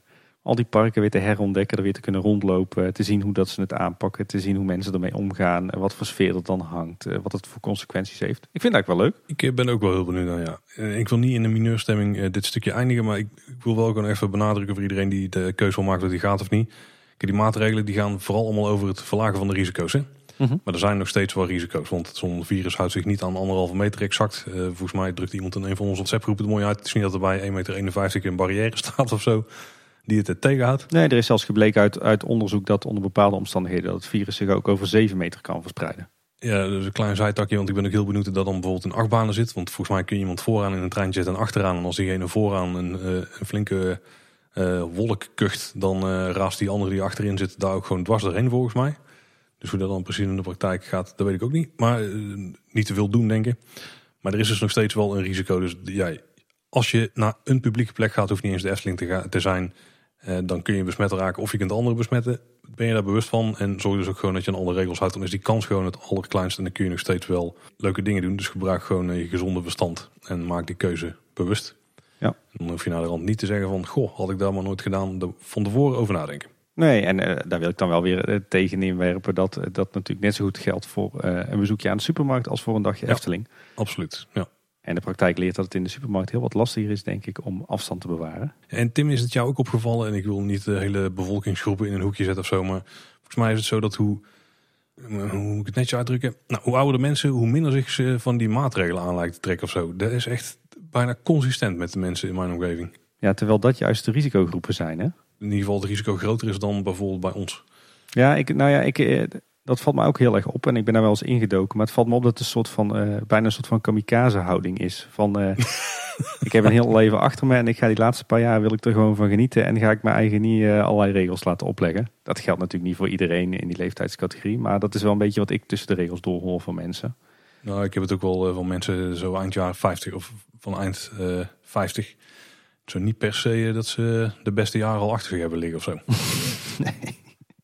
Nou ja, eh, om het, om het blokje positief af te sluiten. Laten we dat doen. Ik werd in ieder geval eh, enorm vrolijk van dit nieuws. En eh, ik ben enorm opgelucht. En ik kijk er ontzettend naar uit om de Efteling, maar ook de Beekse Bergen en Burgers Zoo en Oude Hans en het Openluchtmuseum en Toverland eh, de komende dagen, weken eh, weer te gaan bezoeken. En ik hoop oprecht dat het goed gaat en dat, eh, dat de parken open kunnen blijven. Eh, en dat we langzaam maar zeker naar een verdere versoepeling kunnen. Tot er eh, ergens een keer in 2021 misschien een vaccin is en alles weer zoals normaal wordt. Maar ik denk dat we tot die tijd eh, iedere twee weken bij Kleine Boodschap het, het nog steeds over corona gaan hebben. Zullen we eens even naar een open deur interview gaan met ons fonds bij Omroep Brabant. Altijd leuk. Een paar dingen die, die waren natuurlijk zo klaar als een klontje. Blijdschap is volgens fonds niet op zijn plaats in deze situatie. En nou ja, dit was misschien wel de allergrootste open deur qua omzet.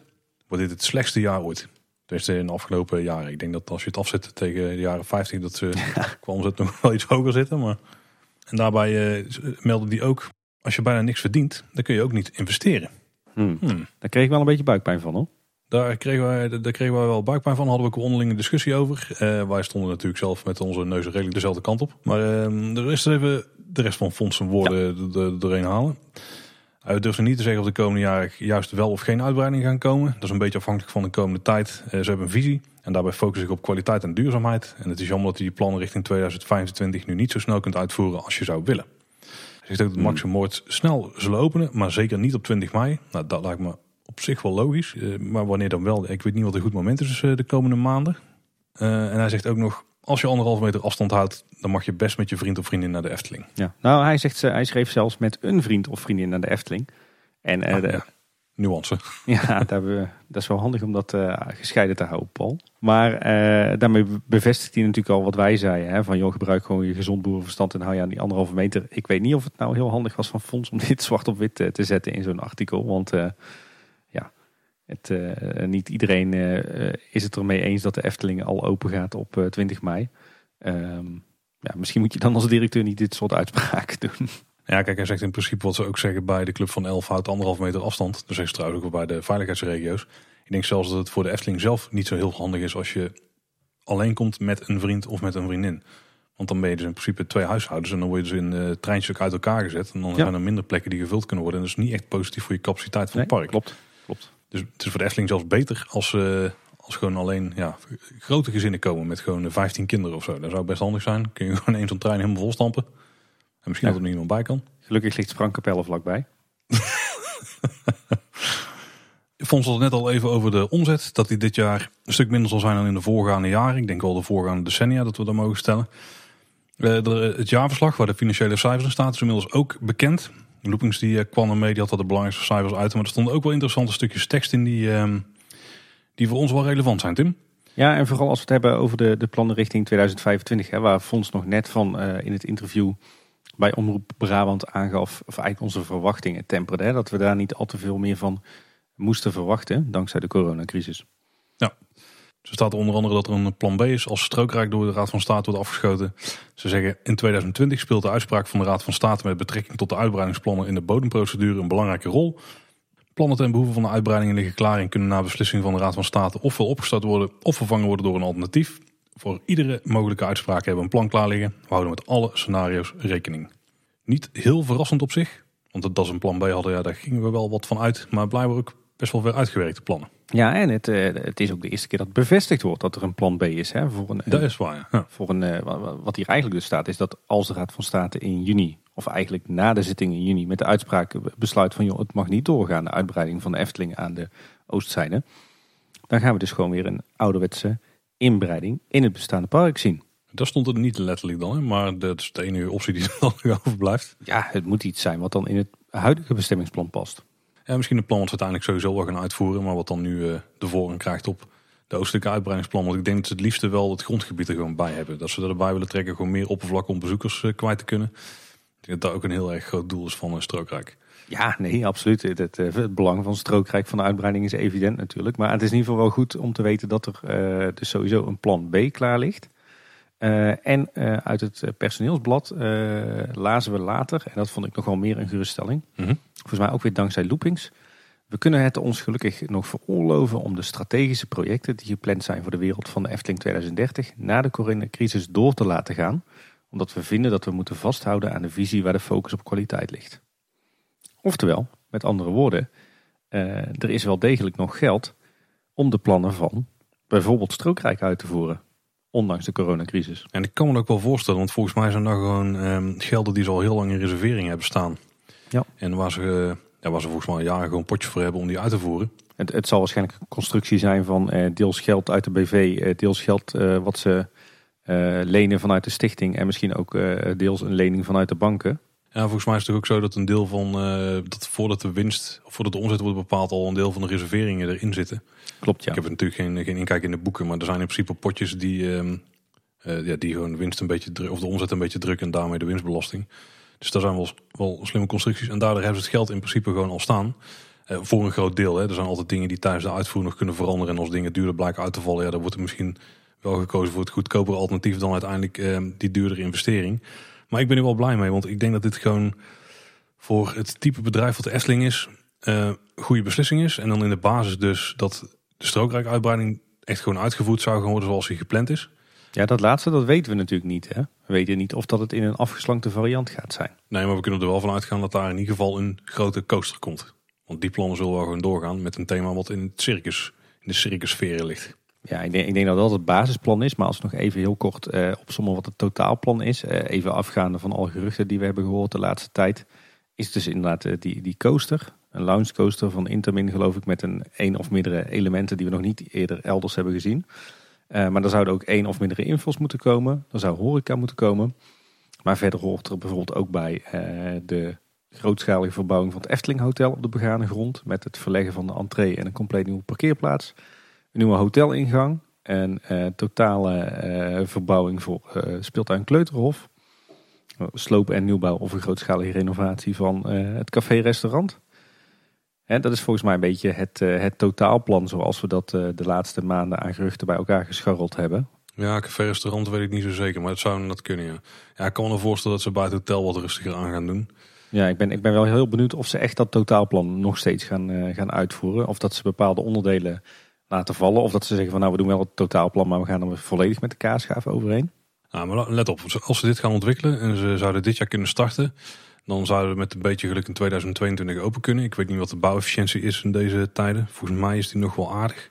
Die is heel hoog zelfs. Oh, die is heel hoog zelfs. Want je hebt natuurlijk minder afsluitingen die misschien nodig zijn. Of tenminste, je kunt ze gewoon doen zonder dat uh, het allemaal heel veel impact heeft. En de bouw gaat momenteel als een van de weinige sectoren als een malle door. In ieder geval, als ze dit nu gaan starten, dan zouden ze in 2022 het hopelijk kunnen opleveren.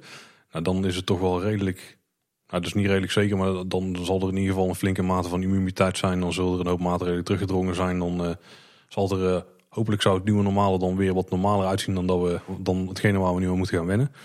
En dan heb je wel op dat moment, op het moment dat waarschijnlijk ook je parkcapaciteit weer flink, ja, flink beter ingezet mag worden. Dus dat je ik heb geen idee. Misschien mag je wel 100% van de mensen willen laten. Ik heb geen idee. Het is een beetje kijken in de toekomst. Maar op, de kant, op het moment dat de kans groot is dat veel mensen naar je toe mogen komen, dan heb jij de grote klapper. En als jij die investering wel kunt doen en andere parken die kunnen dat niet doen. En dan is de kans als ze kaartjes gaan kopen voor jouw park is natuurlijk weer een stuk groter dan dat ze naar andere parken gaan. Ja. En je kunt die investeringen kun je wel uitstellen, maar dan ga je de komende jaren niet per se op een houtje zitten bijten, maar dan, en dan blijf je een beetje stabiel. Dan ga je die, ehm, het is misschien heel slecht uitgedrukt, want uiteraard gaan alle parken de komende tijden stijging zien van bezoekers. Maar niet ten opzichte misschien van wat in 2019 was. Nou ja, en wat ik ook wel een goede uitspraak vind in deze is eh, de uitspraak never waste a good crisis. Uh, en dat is denk ik ook wel van toepassing nu. Kijk, alle parken hebben omzetdaling en alle parken hebben dadelijk uh, rode cijfers, ben ik bang. Ik bedoel, er gaan weinig winsten worden gedraaid. Dat betekent dat, dat betekent dat heel veel parken in de kosten gaan snijden. Dat zal de Efteling ook echt wel doen. Denk aan personeelskosten, denk aan onderhoud, uh, denk aan allerlei leuke kleine verbeteringen. ik ben echt bang dat die niet doorgaan. maar investeren is natuurlijk een heel ander verhaal. Al klopt dat gevoelsmatig misschien niet. maar investeren is een heel ander verhaal. En juist in crisistijden als je dan als bedrijf het kapitaal hebt eh, om te investeren, dan moet je dat vooral doen. Want nu eh, in een crisis is, eh, is het lenen goedkoop, is het bouwen goedkoop. en je hebt natuurlijk een enorme voorsprong op je concurrenten als je wel gewoon kan investeren. En anderen kunnen dat niet. En de Efteling is financieel gezond. De Efteling heeft een stichting achter zich staan met een enorm kapitaal. daardoor heeft de Efteling denk ik ook het vertrouwen van de banken. Dus ik denk dat de Efteling qua investeringen echt wel een voorsprong heeft op andere bedrijven. Dus dan geldt zeker uh, never waste a good crisis. En ik denk ook dat de, uh, de uitspraken van Fonds, dat die dat wel zullen bevestigen. Dus ja, ik vrees wel uh, flinke kostenbesparingen de komende jaren. en misschien ook afgeslankte investeringen. Maar ik denk dat de Efteling echt wel die investeringen gaat doen. Juist om een voorsprong te krijgen op de concurrentie.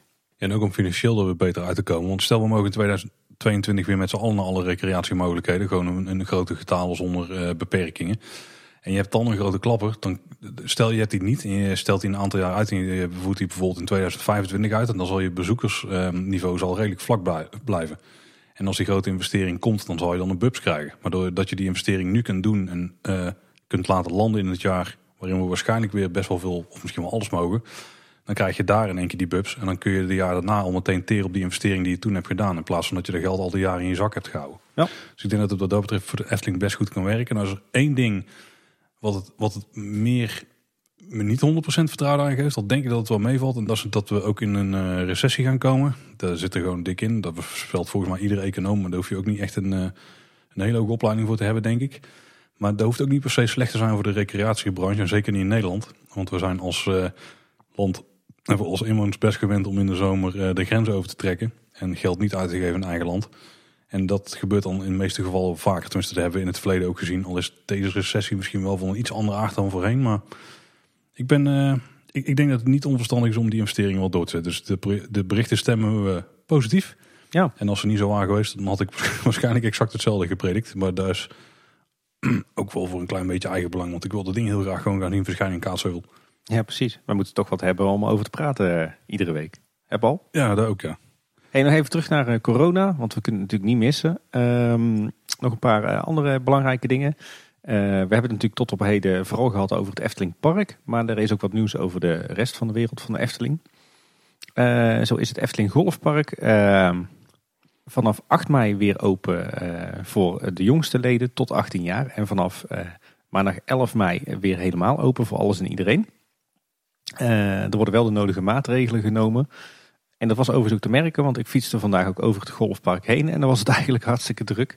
Uh, het parkeerterrein stond ook alweer uh, voor de helft vol. Dus daar wordt volop gegolfd. Dat is wel bijzonder, want ik begreep dat er maar 12 leden waren onder de 18. Ja, maar dat was vanaf 8 mei. Dus vanaf 8 mei mochten alleen de jonkies golven. Maar eigenlijk drie dagen later, dus vanaf afgelopen maandag, iedereen weer. En dat was te merken, want het was wel lekker druk. Zo, die hebben het gemist met z'n allen. Verder uh, vertelden we al eerder dat uh, Bosrijk uh, weer open ging vanaf 8 mei, zeg ik even uit mijn hoofd. Mhm. in eerste instantie alleen met de boshuizen, dus met de vakantiehuizen. Maar vanaf 11 mei, dus dat is als deze aflevering uitkomt, inmiddels een week geleden, zijn ook de hotelkamers in het Poorthuis en het Landhuis weer beschikbaar. En daarmee is het eethuis, dus het grote restaurant, alleen maar bedoeld voor de gasten van de hotelkamers. En de mensen die in een vakantiewoning verblijven, die moeten zelf zorgen voor hun eten. Of ze halen dat af of ze laten dat bezorgen. Kortom, eh, Bosrijk draait weer op volle toeren. maar op zich wel een belangrijke kanttekening daarbij is dat echt alleen verblijfsgasten momenteel welkom zijn op het park. Dat vond ik op zich wel jammer, want ik had wel zin eigenlijk in een middagje Bosrijk met een bakje koffie en een paar leuke speeltuinen. Maar goed, dat is dus nadrukkelijk niet de bedoeling. Je mag echt niet op Bosrijk komen als je er nu niks te zoeken hebt, als je er geen huisje hebt. Ja, wat pijnlijk opviel is dat ik toen ik er van de week langs liep, wel 13 hele auto's op het parkeerterrein spotten. Ik moet wel zeggen dat het op een dinsdag was. Uh, wat wel positief was, eentje ervan was van Mac. Dus die uh, waren daar denk ik met op zijn minst één iemand aan het slaven om uh, te werken aan Max en Moritz. Ja, dat is volgens mij de, de supervisor vanuit Mac. Die auto die stond eerder, heeft eerder een paar weken bij het Loonse Land gestaan toen dat nog niet dicht was. Ja, daar heeft een upgrade gehad. ja, inderdaad. En uh, het viel mij trouwens ook op vandaag dat er uh, bij de ingang van het Efteling Hotel uh, nu zo'n wachthuisje is geplaatst wat, wat normaal gesproken in de winter Efteling wordt gebruikt bij de kampvuren. Dus daar gaat een medewerker staan denk ik bij de ingang om een soort van selectie uit te voeren. wellicht ook omdat daar nog geen slagboom staat. En het viel me ook op dat ook op het parkeerterrein van het hotel vandaag ineens best wel wat auto's stonden. Dus misschien dat ze ook daar op korte termijn toch weer open willen. En nog wel andere interessante zaken die de afgelopen tijd zijn voorbijgekomen rondom dit hele gedoe. De vorige keer hadden we een filmpje van medewerkers hè, die allemaal, uh, wat deed ook weer weten, maar welke challenge was het? De challenge weet ik niet. Ik weet alleen dat het uh, het team attracties van Ruigrijk was. In ieder geval die video inderdaad. En dit keer waren het de medewerkers van Entree. En die hebben ook een, een, een, leuk filmpje gemaakt waarin ze vanuit huis werken. Volgens mij was het allemaal best bijzondere baan. Hè? De tosti-ijzer velmaker, volgens mij zat het tussen. Ja, was een, was een leuke, leuk filmpje. Vooral een glansrol voor uh, Patrick. Die had een paar hele leuke creatieve vondsten. Ik moet wel zeggen dat het filmpje van het Ruigrijk wel strakker in elkaar zat hoor. En Luc de Portier zat hier ook in hè? Ja, hier zat Luc de Portier in, ja, klopt. En vrijdagavond 8 mei, toen uh, had de Efteling wat gas voor ons voeten weggemaaid met de Efteling Familiequiz. Ja. En die was uh, heel tof opgezet. De presentatie ervan was door Punctueel. Dat was sowieso al een gouden greep. Was volgens mij ook volledig live. Ja, dat kan ook niet anders, want hij wist uh, ja, was live. om mee te praten met actualiteiten. Uh, het bestond uit meerdere rondes. Uh, er werden ook gewoon wat hele suffe vragen tussendoor gesteld van wat is je favoriete attractie. Maar dat liet dan wel weer leuk gevisualiseerd vaak zien. Je kon ook foto's insturen. En uiteindelijk was er ook een prijs te winnen, een verrassingspakket ter waarde van 100 euro. er was een beperkt aantal spelers, maar iedereen die kon wel gewoon zelf via YouTube alles volgen en dan alsnog meespelen. En de quiz duurde ongeveer 45 minuten, maar volgens mij de eerste blokje duurde bijna een uur. Hè? Ja, liep een beetje uit. Het was echt ongelooflijk tof gedaan. Uh, het viel mij op dat het uh, technisch gezien allemaal heel goed uh, werkte en op orde was. Oh, oh, oh. Niet? Nee, nee, dat is niet het geval, Tim. Ik heb hem ingeschreven. Ik kreeg een mailtje, jij mag meedoen. Ik denk, mooi, dat is leuk. Dan gaan we met gezin klaarzitten bij de iPad en dan gaan we meespelen. En er stond ook in diezelfde mail, en je krijgt een uur van tevoren krijg je nog een mail. En daarin zit de code waar je in kunt meedoen. Of waar je, die je moet gebruiken om je, ja, om je te activeren of zo. Of om, ik weet niet precies hoe dat stukje dan ging. Want al was nou het feit, ik kreeg een uur van tevoren een mailtje. Ik kon me helemaal niet meer herinneren dat daarin die code zat. En ik zit vijf minuten voor half zeven zit ik klaar. En ik open die mail en ik denk, nou dan klik ik op de link om mee te doen. Die zat er dan niet in. Maar die code zat er ook niet in.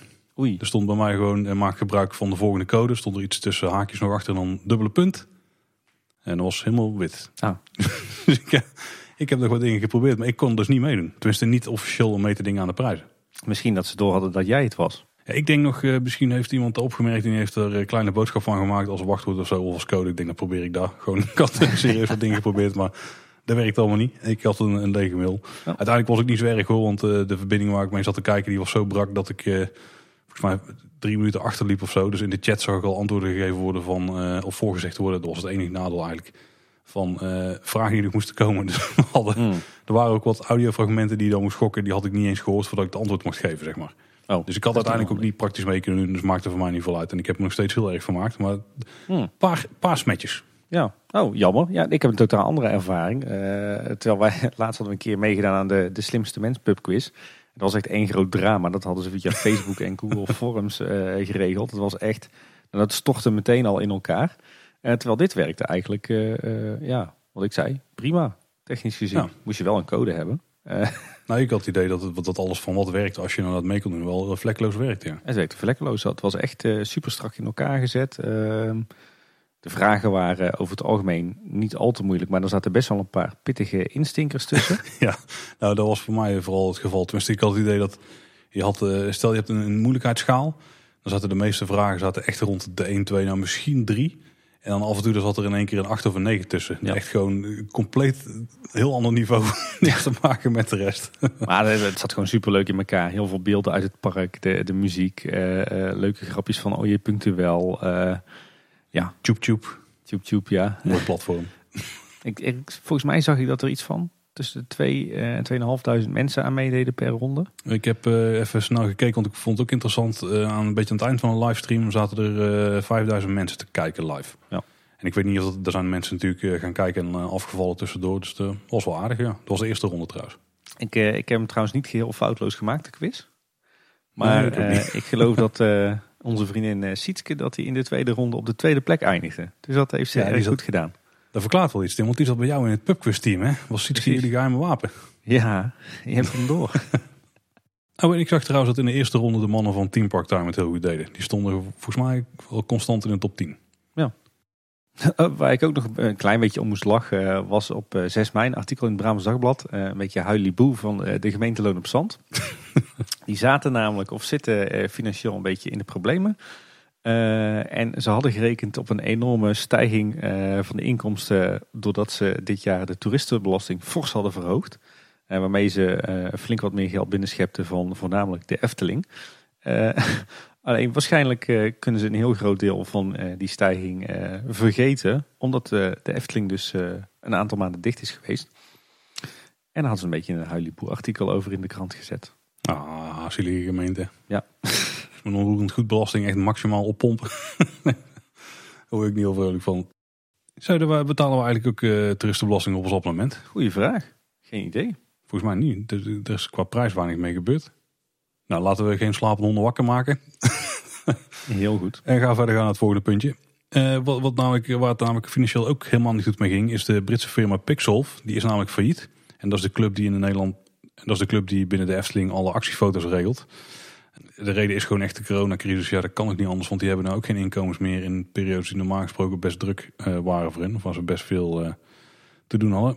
Curator is nou op zoek naar een koper en de Efteling is overleg over de consequenties voor het park. Ik hoop dat dit ook een soort eh, geluk bij een ongeluk gaat zijn, Tim.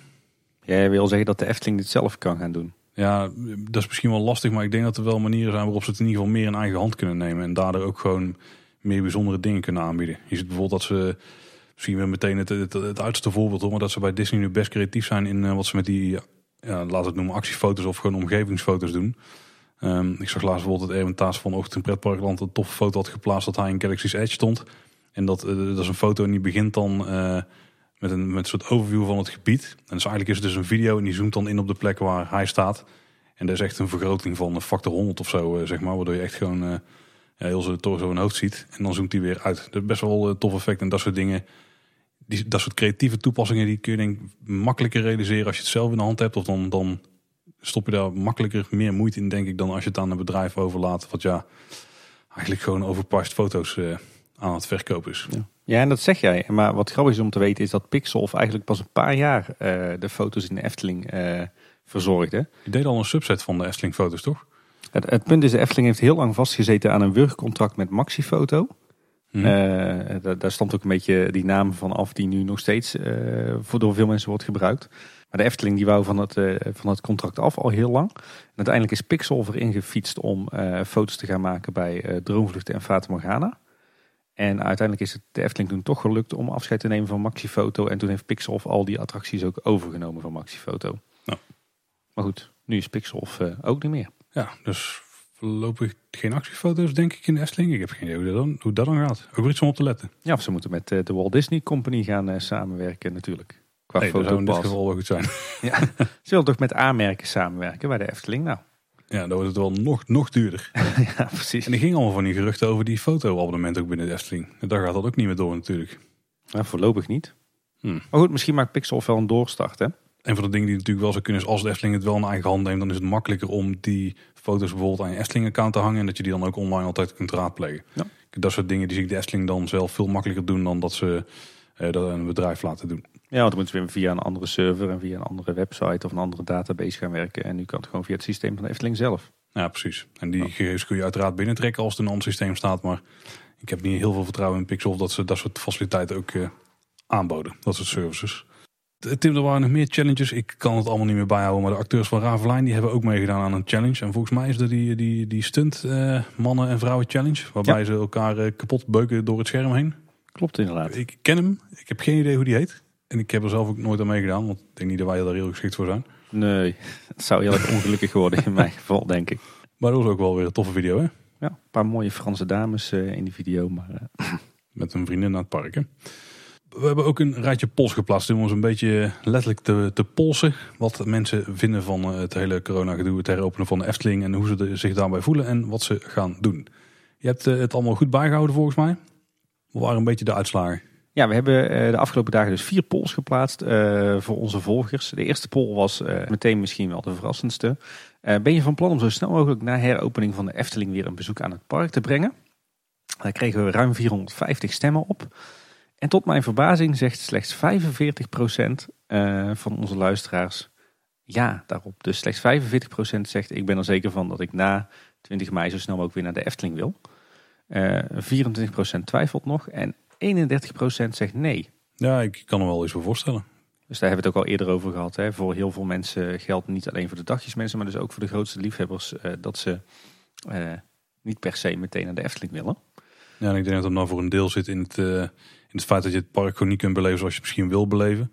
Dan nog ben ik trouwens blij dat het park open gaat. Want financieel is het natuurlijk wel veel interessanter voor het park. Want ja, ze draaien in het slechtste geval kiet, denk ik. Als, het, eh, als er wat volk op afkomt.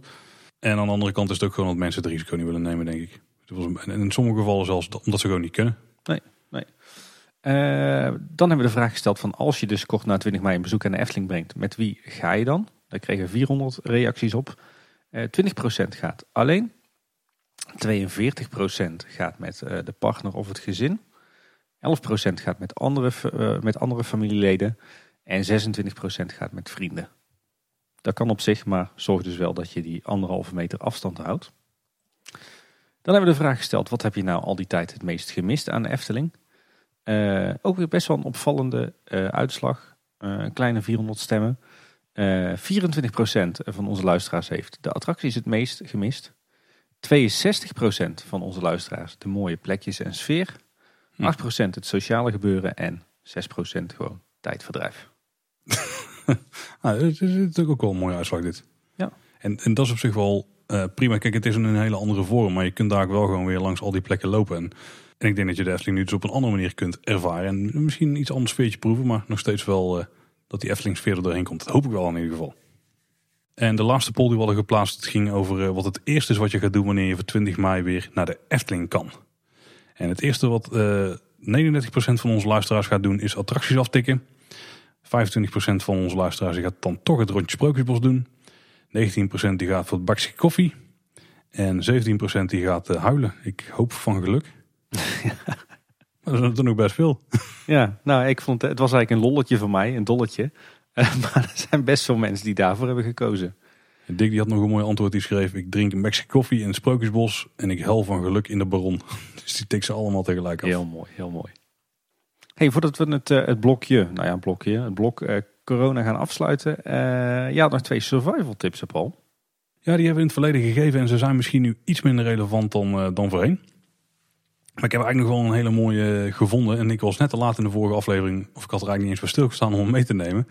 Maar ik kijk weinig tv, Tim. Maar er is nu toch een programma. En dat heeft enigszins het hart gestolen van ons hele gezin eigenlijk. en dat is Lego Masters. En ik kan je aanraden als je kinderen hebt. Er is wel één ding waar je rekening mee moet houden. Die mensen in die serie zijn af en toe best gefrustreerd. En die schelden nog wel eens een keer. Dat is het enige kleine nadeel wat misschien niet zo kindvriendelijk maakt. Maar verder echt een hele toffe... Best wel, tenminste, ik vind het een toffe spelshow. Ik was vroeger ook zeker een Lego nerd. En de, dat vlammetje is wel weer aangewakkerd nou. Maar daarin is eigenlijk gewoon de, klassieke ja, wat is het? De mensen die kunnen iets best goed en die gaan daar een soort strijd in aan wie, om, om te kijken wie het best is. Het zijn overigens allemaal eh, teams van twee personen. Uh, ook uh, Vlamingen doen erin mee, dus ook zeker internationaal geschikt deze tip. Um, en wat wij dus nou hebben gedaan thuis, is wij hebben, want de kinderen zijn enthousiast en die vinden Lego bouw helemaal mooi. maar we hebben ook nog wat neefjes en nichtjes en die, die zitten ook in quarantaine of in de intelligente lockdown nog op dit moment. Al mogen ze inmiddels weer naar school. En die zijn ook helemaal gek van dat programma. Wat hebben we nou gedaan? we hebben een bak thuis staan en daar zitten allemaal papiertjes in. En op die papiertjes staan verschillende thema's. Dus piraten, voertuig, um, insect, dier, uh, woning, uh, ik weet niet meer of, of gebouw. Ik weet niet wel voor onderwerpen erin zitten. Er zat er een stuk of negen of zo in. Dan spreken we af met de neefjes en nichtjes van we gaan nu een challenge doen. En dan mag de jongste bij ons, die is dan degene die altijd het briefje mag trekken. Want dat vindt ze helemaal de bom. En dan gaan we beeldbellen met het andere team. En dan wordt er bepaald wat gaan we doen. En dan krijgen ze een uur om in het thema wat is getrokken om daar een Lego bouwwerk voor uit te werken. En dan bel nog een keer een half uurtje tussendoor van hoe staat het ervoor en hoe gaat het en dit en dat. En dan na een uur dan is het de tijd om via beeldbellen te showen wat iedereen heeft gemaakt. En dat is een van de beste en de hoogste kwaliteit tijdsverdrijf dingen die wij denk ik hebben gedaan de afgelopen dagen. En de kinderen vinden nog steeds de bom. ik doe stiekem ook af en toe mee. en zo gaat dat. Echt een hele toffe tip als je kinderen er iets mee hebben. Maar ik denk als je dat programma gaat kijken, je hebt nog een paar oude dozen Lego boven staan. Zoals op hier het geval was. Dan was het misschien wel de tip om, om het door te komen. Maar ik ben er een beetje laat mee. Misschien nou kinderen weer... Uh, ze mogen sowieso naar school, dus er is wel minder uh, tijd te vullen overdag. Maar toch, ze gaan minder naar school dan voorheen. Dus maak er nog gebruik van het kan. Super vet uh, verzonnen, Paul. Uh, vrouwlief was zo creatief in dit geval. Maar ah, ik kijk. ben er wel een beetje mee gaan lopen. Ja, ja ik, was, ik was vroeger ook wel echt een, een Lego-nerd. Dat zal je ook wel niet verbazen. Maar nee. Uh, ik, heb het programma ook een paar keer gezien, maar vaak alleen maar het eerste half uur. Want daarna beginnen altijd de Scandinavische detectives bij, op Nederland 2. Dan moet je een van de laatste afleveringen eens terugkijken, want dan moet je een brug bouwen. Mm. En die moet drie meter lang zijn van Lego. En dan gaan ze dan gewicht opleggen om te kijken hoeveel die kan houden. Dan moet jouw constructie hartig wel enigszins doen kloppen. Super vet, ja. Uh, nee, goede kijk. Goede kijk. Gaan we terugkijken. Of dat ook nog een leuke corona survival tip was, is het, het YouTube kanaal van, of TubeTube kanaal van Eftel Wesley. dat is sowieso wel een, een aanrader. maar die heeft nu een oog voor detail quiz.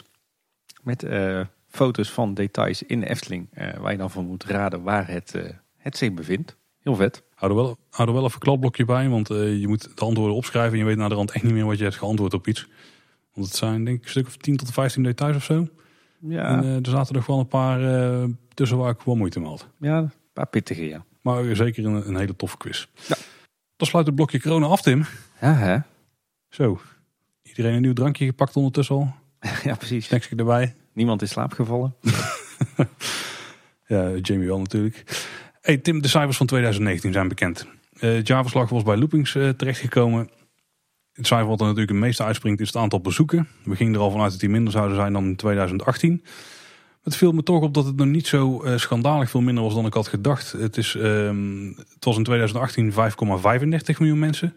En in 2019 5,26 miljoen. Dus dat is 90.000 mensen minder. Ja, dat is eigenlijk gewoon ja, drie drukke dagen. Ik vond het nog gewoon meevallen. Ja, inderdaad. Viel mij ook heel erg mee. Ik had inderdaad eh, best wel het gevoel dat 2018 een topjaar was en dat 2019 toch eh, aardig minder was. Maar dat uh, valt inderdaad ontzettend mee. Ik denk dat 5,26 miljoen bezoeken uh, in een jaar waarin je eigenlijk niet echt een nieuwe attractie hebt. Buiten een sprookje en op het einde een andere 3D-film. Denk ik dat dit toch een hele goede score is. Ja, ik weet niet hoe ze het nog aan hebben moeten trekken aan het eind van het jaar. Want ze hebben natuurlijk wel best wel veel acties gehad om hopelijk nog een hoop mensen die, die kant op te trekken. Ja. Ik weet niet of dat dan nog het een beetje heeft goed gemaakt of dat dit een beetje hetgene was waar ze op gingen afstevenen en dat ze nog hebben geprobeerd om het boven het jaar ervoor te, ja, uit te trekken. Maar ik vind het uh, eigenlijk helemaal niet slecht. Nee. En, en daar moeten we dus ook bij zeggen dat ze hebben vorig jaar een hoop maatregelen getroffen om de, en, en de jaren daarvoor, om de capaciteit beter te benutten van attracties. En dat lijkt dan toch wel te hebben gewerkt. Want voor, mijn gevoel was het ook echt veel rustiger. Maar ik heb nou niet het idee dat het gemiddeld op een dag maar dat het maar, uh, weet ik veel, een procent of vijf rustiger was of zo. Voor mijn gevoel was het wel echt gewoon uh, ja, veel rustiger en heel veel wachtrij. Dus, daar hebben ze ook die, die, die, dus al die maatregelen lijkt ook best wel goed hun werk te hebben gedaan. Ja, ja, die indruk had ik toch al wel hoor. Iets waar ik wel van schrok is dat de gasttevredenheid uh, niet gestegen, nog gedaald is. Die is blijven steken op 8,6. Terwijl ze toch alles op alles aan het zetten zijn om naar die 9 plus kwaliteit te gaan hè? Uh, ja, maar ik denk dat het wel een beetje moeilijk te, moeilijk te staven cijfer is. Hè? Ja, het is natuurlijk ook extreem subjectief. En hoe krijg je de gasttevredenheid nou boven die 9? Dan moet je dus ook heel vaak 10 gaan scoren. En, en 10 is weer uitmuntend. En ja, ik denk dat die lastig is. Ik denk natuurlijk ook dat ze heel erg hebben ingezet op de capaciteitsverbetering. Of in ieder geval het beter benutten daarvan. En uh, dat daar misschien dingen zijn die de meeste mensen niet, op zich niet merken. Ze staan minder lang in een wachtrij, maar ik denk niet dat ze dat bewust hebben meegekregen. Dat het geval is vanwege dingen die ze hebben gedaan. En misschien dat je daardoor ook niet direct de waardering er extra voor in ieder geval uitdeelt in de vorm van een hoger cijfer. Ja. Dus ja, ik denk dat ze zichzelf een behoorlijk eh, pittig doel hebben opgelegd. 9 plus is wel hoog inderdaad. Zeker met het geven van tienen dat wat wel nodig is. Maar uh, ze geven wel aan dat ze nog steeds daar naartoe aan het werken zijn. Hè? Ja, wat, uh, wat ook trouwens uh, goed klonk was een passage. door de goede resultaten van 2019 en de jaren daarvoor kunnen we deze tijdelijke sluiting op dit moment goed aan. We kijken dan ook met vertrouwen vooruit. En dat ging dan natuurlijk over die sluiting van 2,5 maand tijdens de coronacrisis. Ja, en dan de pingels, Tim. Ja. De omzet van 2018 die was nog 224,2 miljoen. Dat zijn allemaal getallen die zijn op een podcast een beetje lastig over te brengen. Dus 224,2 miljoen. En het jaar daarna, 2019, 227,7 miljoen. Dus dat is een, een lichte stijging van 3,5 miljoen uit mijn hoofd. Ja, 3,5 miljoen euro erop. Ja, maar dat was de omzet. En als je dan alle bedrijfslasten eraf haalt, dan blijft er natuurlijk een resultaat over. En dat was in 2008 nog 33 miljoen. En dat was in 2019 wel gedaald naar 28,7 miljoen. En als je dan uiteindelijk ook nog al je belastingen en uh, verplicht afzettige dingen afhaalt, dan hou je de winst over. In 2018 was het 23,6 miljoen. En uiteraard was die winst in 2019 dus ook lager, 19,3 miljoen. Efteling zichzelf, dit komt vooral door een stijging van de bedrijfslasten, met name hogere personeelskosten. Nou, dat is op zich iets wat we niet erg vinden, denk ik. Enerzijds dus door meer inzet van personeel en ook hogere kosten die ze kwijt zijn aan pensioen. En er was ook een, uh, dat is dan weer zo'n financieel trucje, een afwaardering uh, plaats voor het Efteling Golfpark ten bedrage van 1,8 miljoen euro. Een boekhoudkundig uh, trucje, denk ik. Ja, dat heeft te maken met boekwaarde. Hè? Met de, de, de toekomstige sluiting van het golfpark moeten ze dat, dat af, versneld afschrijven. Ja, dus in principe is dat niet geld wat ze dan kwijt waren. Dus dat, dat, dat drukt de winst en de, dat drukt de, het resultaat en de winst. Maar ja, dat vind ik niet heel raar om te zijn. Maar nee. goede, goede reden, denk ik. Ja, op zich nog steeds een hele fraaie netto winst. Alleen denk dat het wel heel erg slikken is om eh, wel meer omzet te draaien. Maar vervolgens uiteindelijk uh, eh, 4,3 miljoen euro minder netto winst te draaien. Ja, ik weet dus nog steeds niet hoe het nou precies zit. Want boekhouden blijft een bijzonder kunstje. Dus uh, hoe het dan allemaal precies in elkaar steekt, ja. De Efteling heeft gelukkig geen aandeelhouders waar ze zich aan moeten verantwoorden. En ook geen, geen, geen familie of zo die eigenaar is. Maar goed, ze hebben natuurlijk wel de stichting als eigenaar en de raad van commissarissen die er nog tussen zit. Ik ben benieuwd of de, de financieel directeur uh, het, uh, het, nog moeilijk heeft gehad om uh, een winstdaling bij een omzetstijging uit te leggen. En of dit nou dus toch betekent dat, dat we meer kostenbesparingen gaan zien de komende jaren. Nee, maar dus de redenen die ze geven die zijn gewoon duidelijk. Hè? Kijk, zo'n afschrijving op het golfpark, ja, dat is dan inderdaad een, een boekhoudkundig ding. En je hebt gewoon hogere personeelskosten omdat je meer mensen inzet. Dat is een besluit geweest op directieniveau. En uh, de, de, pensioenkosten zijn gestegen. Er zijn gewoon wettelijke zaken of, of misschien afspraken die ze met de, de medewerkers hebben gemaakt die verbeterd zijn. Dat zal ook heel bewust zijn gebeurd. Het is niet dat, dat zijn wel gewoon te verklaren dingen, zeg maar. Ja, en het voordeel is dat de, de, het hoofddoel van de stichting, uh, de doelstelling is natuurlijk het voortbestaan van de Efteling op de lange termijn. Um, en dan is veel winst maken is natuurlijk ook niet per se een vereiste. Als je zorgt uh, dat, je, dat je blijft investeren in je park waarmee het aantrekkelijk blijft voor de toekomst, dan doe je het eigenlijk heel goed. En als je dan toch nog uh, uh, een kleine 20 miljoen euro winst maakt uiteindelijk. Dat is toch gewoon een bronnetje winst, hè? Ja, precies. Ik heb het niet op de rekening staan om maar een uh, open deur uh, in te trappen. De, dat sowieso niet. Wat, wat verder nog interessant was om te lezen in het jaarverslag, is dat ehm, zowel het park als de resorts een omzetstijging hadden. vooral door een hogere bezettingsgraad en het uitbreiden van Bosrijk met nieuwe accommodaties, hè, de, de grote boshoeves. Het Efteling Hotel bleef iets achter. Daar daalde de omzet van 10,9 naar 10,7 miljoen euro. Ehm, terwijl de gemiddelde kamerprijs steeg, daalde daar de bezettingsgraad. En dat is op zich wel interessant natuurlijk. Uh, tegelijkertijd ook niet heel verrassend, want ik denk dat het Efteling Hotel toch langzaam maar zeker uh, iets aan populariteit uh, verliest. Enerzijds doordat er Bosrijk en Loonse Land nu als alternatief zijn. En natuurlijk ook het Guesthouse Hotel in Kaatsheuvel. Terwijl het hotel zelf natuurlijk redelijk outdated begint te raken. Dus ja, vooral de benedenverdiepingen dan. Want alle themakamers worden gewoon wel netjes ieder jaar aangepast. Of niet allemaal, maar volgens mij pakken ze er jaarlijks een stuk of drie aan. En die zien er nog steeds heel tof uit. Maar ik weet niet hoe de normale kamers eruit zien. Of dat die een renovatie nodig hebben. Maar de benedenverdiepingen... Die zijn, uh, die zijn een aantal jaar geleden allemaal ook opgeknapt. Die zien er ook heel netjes uit. Het is inderdaad met name de entree, de buitenruimte en de, de begane grond... die uh, wel eens een keer een opfrisbeurtje kunnen gebruiken. Dus uh, mooi omschreven. En een beetje geluk gaan we dat ook zien als strookrijk wordt aangelegd. Uh, en wordt het hotel dan wel meegenomen. Laten we daarop hopen. Ja, wat ook opviel, um, was eigenlijk het laatste wat we echt uit konden halen, is dat de besteding in de hotels en de vakantieparken daalde. Daar gaat dus om de besteding die mensen doen terwijl ze al verblijven. En volgens de Efteling komt dit omdat het attractiepark langer open is. Al vind ik dat ook nog een, dubieuze. eh, waardoor gasten meer in het park consumeren. Zoals dan vooral doelen op de Negenpleinenfestijnavond die er wel meer zijn en tot 10 uur duren. Dat was in 2018 ook al volgens mij. Nee, nou je zag natuurlijk wel vorig jaar dat ze vaker in de weekenden tot 7 of 8 uur open bleven hè, en in de vakanties. Ja, een beetje aan het eind van het jaar. Want de echte ruime openingstijden die zouden we dit jaar pas gaan zien. Ja, die verdergaande openingstijden wel. Maar je zag wel vorig jaar al dat, eh, dat het park eh, toch in de schoolvakanties en in de weekenden steeds vaker tot 7 of 8 uur open was. Ja. En dan is natuurlijk ook wel logisch. Hè? Dan eet je inderdaad als hotel of resortgast sneller in het park. In plaats van dat je echt eh, op, het, eh, op het vakantiepark gaat eten. Nou, dus deze kunnen we ook scharen onder het kopje. Daar lijkt de juiste verklaring te zijn. Ja. Oké, dan eh, gaan we naar Max en Moritz. En er zijn toch nog best wel wat nieuwtjes over te melden. Vooral omdat er weer een making-of is gekomen. Maar ook omdat er toch weer een blogartikeltje aan is gewijd. Ja, dat beide verbaasde mij eerlijk gezegd wel in positieve zin. Daar had ik niet meer op durven rekenen. Ja, het eerste interessante wat we zagen was eh, op 6 mei. Eh, toen kregen we wat foto's doorgestuurd eh, van Mitch.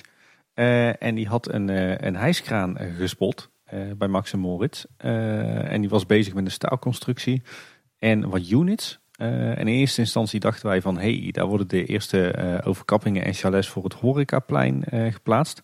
Maar later wees iemand ons fijntjes op van... nee, dit is de, eh, de personeelskantine die wordt gebouwd... voor het personeel van eh, Max en Moritz en Fabula. Waar we al veel eerder een bouwaanvraag voor hebben gezien. En dat is ook wel logisch, want we hebben later die bouwaanvraag gezien. Of die plaatsingsaanvraag voor wat eh, chalets en een overkapping. En die is pas, volgens mij vandaag zelfs gegund. Ja. Of in ieder geval gepubliceerd dat die was gegund. Dus die hadden ze nog niet kunnen plaatsen een week geleden ruim. Nee, klopt. Ja, dat, dat zal het inderdaad moeten zijn.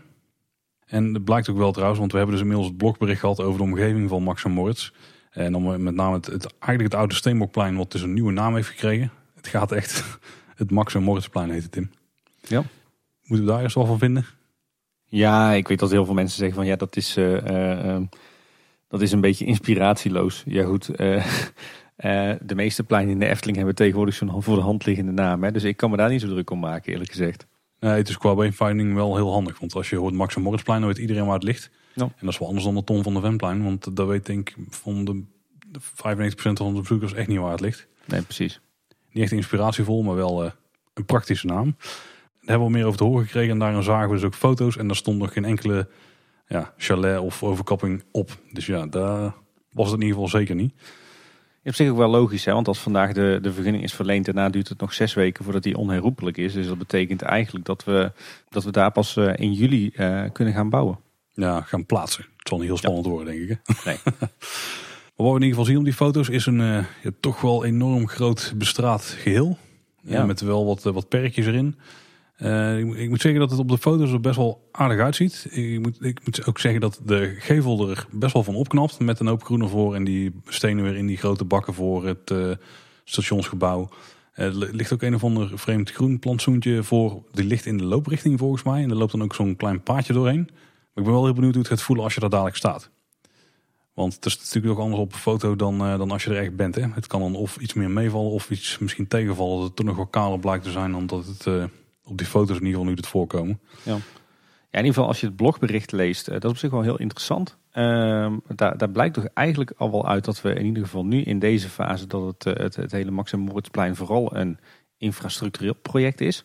En niet meer dat, dat grootschalige horecaplein wat, waar we allemaal op hoopten. Het is dus vooral de ondergrondse en de bovengrondse infra. Wat ze hebben gedaan is dat ze eerst de ondergrondse infra, eh, dus de kabels en leidingen, hebben vervangen. eh, zodat eh, nu ook de steenbok gasloos kan gaan bakken en koken. Mhm. Heel goed, denk ik. En er komt dus een nieuwe bestrating en beplanting. En het plein is in de zomer gereed. Er worden ook hier volop naaldbomen aangeplant. De Servische spar, die we ook in de attractie tegenkomen. Maar ook de, de wordt hier volop aangeplant. Weet jouw collega nog iets over te melden of eh, ging je Wikipedia weer quoten? nee, ja, die, eh, ik zit met corona, dus ik zit niet op kantoor. Dus daar kon ik het niet Ja, aan ik denk misschien eh, stuur me een berichtje. Nee, ja, nou ja, goed. De, de Noordmanspar is gewoon, dat noemen wij thuis gewoon de kerstboom, zeg maar. Die boom is dat. Ehm, op het plein zelf komen loofbomen en hagen, omringd door jonge naaldboompjes. Eh, er, komen, komt ook heel veel kleur. Eh, dus er worden bijvoorbeeld eh, wilde rozen geplant. Er gaat clematis gaat groeien in de kolommen van bijvoorbeeld de achtbaan. En er komen plantenbakken met geraniums aan de gevels te hangen. Het, uh, het zelf, dat wordt uitgevoerd in uh, bruin, uh, bruine gebakken klinkers in verschillende legpatronen en grijze betontegels. Wat ik dan weer heel raar en jammer vind, maar goed, wie ben ik? En er gaat nog gekleurd asfalt worden aangebracht. Mogelijk het, het een beetje dat donkerbruine asfalt dat we nu ook terugzien in het Marenrijk. Wat een beetje die bosgrond moet voorstellen. Maar waar zou dat dan komen? Zodat het asfaltpad zijn wat zo richting Piranha gaat. Zoals ze daar gewoon een doorverroute hebben van een groot materiaal. Zo. Ja, ik denk dat dat gewoon het, eh, het hoofdpad wordt voor de bevoorrading en voor de calamiteitenroute en dergelijke. Eh, dus dat is wat we terugzien inderdaad in het blogbericht. En uh, ja, als ik de foto's zie, ben ik in eerste instantie wel enthousiast. Lekker uh, organisch aangeplant, veel variatie erin, veel stenen. Mooie, mooie lantaarnpaaltjes ook. alleen het valt me wel op dat het wel een heel erg stenig plein is weer. Het deed mij heel erg denken aan het Tom van de Ventplein. Jij noemde het al, al eerder. Relatief gezien heel weinig groen en heel veel steen. Ja, Tom van de Ventplein heeft dan nog wel als voordeel dat daar best wel veel gras in ieder geval één kant van ligt. Wat het toch wel enigszins groen doet aanvoelen. Maar ik, ik moet het vooral zien in het echt. Ik vind dat op de foto's ziet het er aardig uit. Maar ik krijg er nu niet echt een super goede indruk van. Ook niet van de, de grootte of de afstand of de, de massaliteit zeg maar, van zo'n plein. Ja. En dat wil ik nog wel even in de, in de praktijk voelen. Eh, en ze gaven ook wel aan dat er bijvoorbeeld de bomen om het eh, plein heen die moeten gaan uitgroeien tot een, tot een bos. Dus ja, dat zijn dingen die moeten ook de tijd geven. Maar ik, ik vind het wel fijn om te zien dat ze in ieder geval veel bomen hebben teruggeplant. Op de foto's dan hè. Kan zijn dat er ook misschien in de eerste foto ook echt alle bomen zijn die je in het hele gebied hebt. Ja. Dat zou dan wel weer jammer zijn. Maar het lijkt wel op dat ze, ja, dat ze het hier wel goed hebben aangepakt. Ja. Met in ieder geval wat tijd. Ja, we gaan waarschijnlijk dus begin juli hier dus ook nog uh, twee chalets geplaatst zien worden en een overkapping. En dat is dan wat we voorlopig van het horecaplein uh, hier gaan zien. Maar wellicht dat in de toekomst alsnog de steenbok wordt uh, uitgebreid en aangepast. En dat we hier echt een, een, een dorpje met allerhande winkeltjes gaan zien. Ja, dat het ook een visueel wordt aangepast. Want het sowieso vooral Boltskoegen natuurlijk. Dus dat gaan we sowieso zien. Het viel me ook op dat er op het plein op heel veel plekken krachtstroompalen stonden. Of in ieder geval van die planken uit de grond met de krachtstroomaansluiting. Dus dat zal ook misschien wel zijn voor de wat drukkere zomeravonden als we ze ooit eh, mogen gaan ervaren. Ja. Of eh, de winteractiviteit, dat als er iets meer... De markt. Ja. ja, als er meer bijgezet moet worden dat die, eh, die aansluitingen er zitten. Volgens mij zelfs met afvoer ook, maar daar was ik niet heel zeker van. een paar dingen vond ik wel opvallend. En dat is dus wat ik net al aanhaalde, dat perkje voor het stationsgebouw. Lijkt een beetje in de looprichting dus te zitten. Dus je, vroeger liep je eigenlijk, ehm, als je vanaf de Piranha naar de Steenbok liep, dan liep je gewoon vlak langs die bak waar die ja, die stenen lagen van het Bobgebouw. Nou, die bak is er nog steeds. Uh, of tenminste de, nieuwe variant daarvan. Maar er ligt dus nu een perk langs, dus daar word je meer omheen geleid. Ik weet niet helemaal wat daar het idee achter is. Al heb je, lijkt je dus wel de mogelijkheid te hebben om ja, een soort mini-afsnijpaadje te nemen. Wat dan denk ik de meest voor de hand liggende loopplek is. Dus hoe dat in de praktijk gaat werken, weet ik niet. En uh, het Trafo-huisje, Tim, wat we daar hebben gezien. Nou ja, huisje, de, de Trafo, uh, ja, was het bouwblok. Ja die viel precies net steeds buiten de foto's. Ik weet niet of dat heel tactisch was of een soort van per Het leek geen professionele fotograaf te zijn geweest die die foto's heeft gemaakt. Maar... Weet je dat ze zo'n ding eh, heel ironisch een compact unit noemen? Is dat de compact unit? Als je, als je op die, uh, er stond laatst ook een, eh, een, luchtfoto op Instagram. En als je daarop kijkt zie je dat die, uh, dat die helemaal vrij staat van het gebouw. En dat er met behoorlijk wat afstand een enorme haag omheen is gezet. Dat is natuurlijk vanwege... Een hele vierkante haag toch? Ja, is vanwege de, de veiligheid, omdat er ook weer een bepaalde zone omheen moet zitten, uh, mocht die trafo de lucht ingeblazen worden, in het, wat heel onwaarschijnlijk is, maar goed, in theorie kan het. Dus er staat nu echt midden op dat plein zo'n compact unit met een, een, hoge haag omheen, die behoorlijk wat, wat plekken in beslag neemt. Ik moet zeggen dat die hoge haag op zich wel prima is, want die, die maakt de voorkant van het stationsgebouw wel minder massief. Een groot doorlopend blok, want die, die had daar een beetje een stukje vanaf aan de linkerkant. Dus het is op zich ook hier weer een geluk bij een ongeluk. Hè? Ja. Nou, ik moet zeggen, even afrondend over het plein. Ik, ik had graag wat, wat, wat meer en wat grotere plantsoenen gezien. Uh, maar buiten dat uh, ziet het er wel heel fraai uit en is het echt al een vooruitgang op wat het was.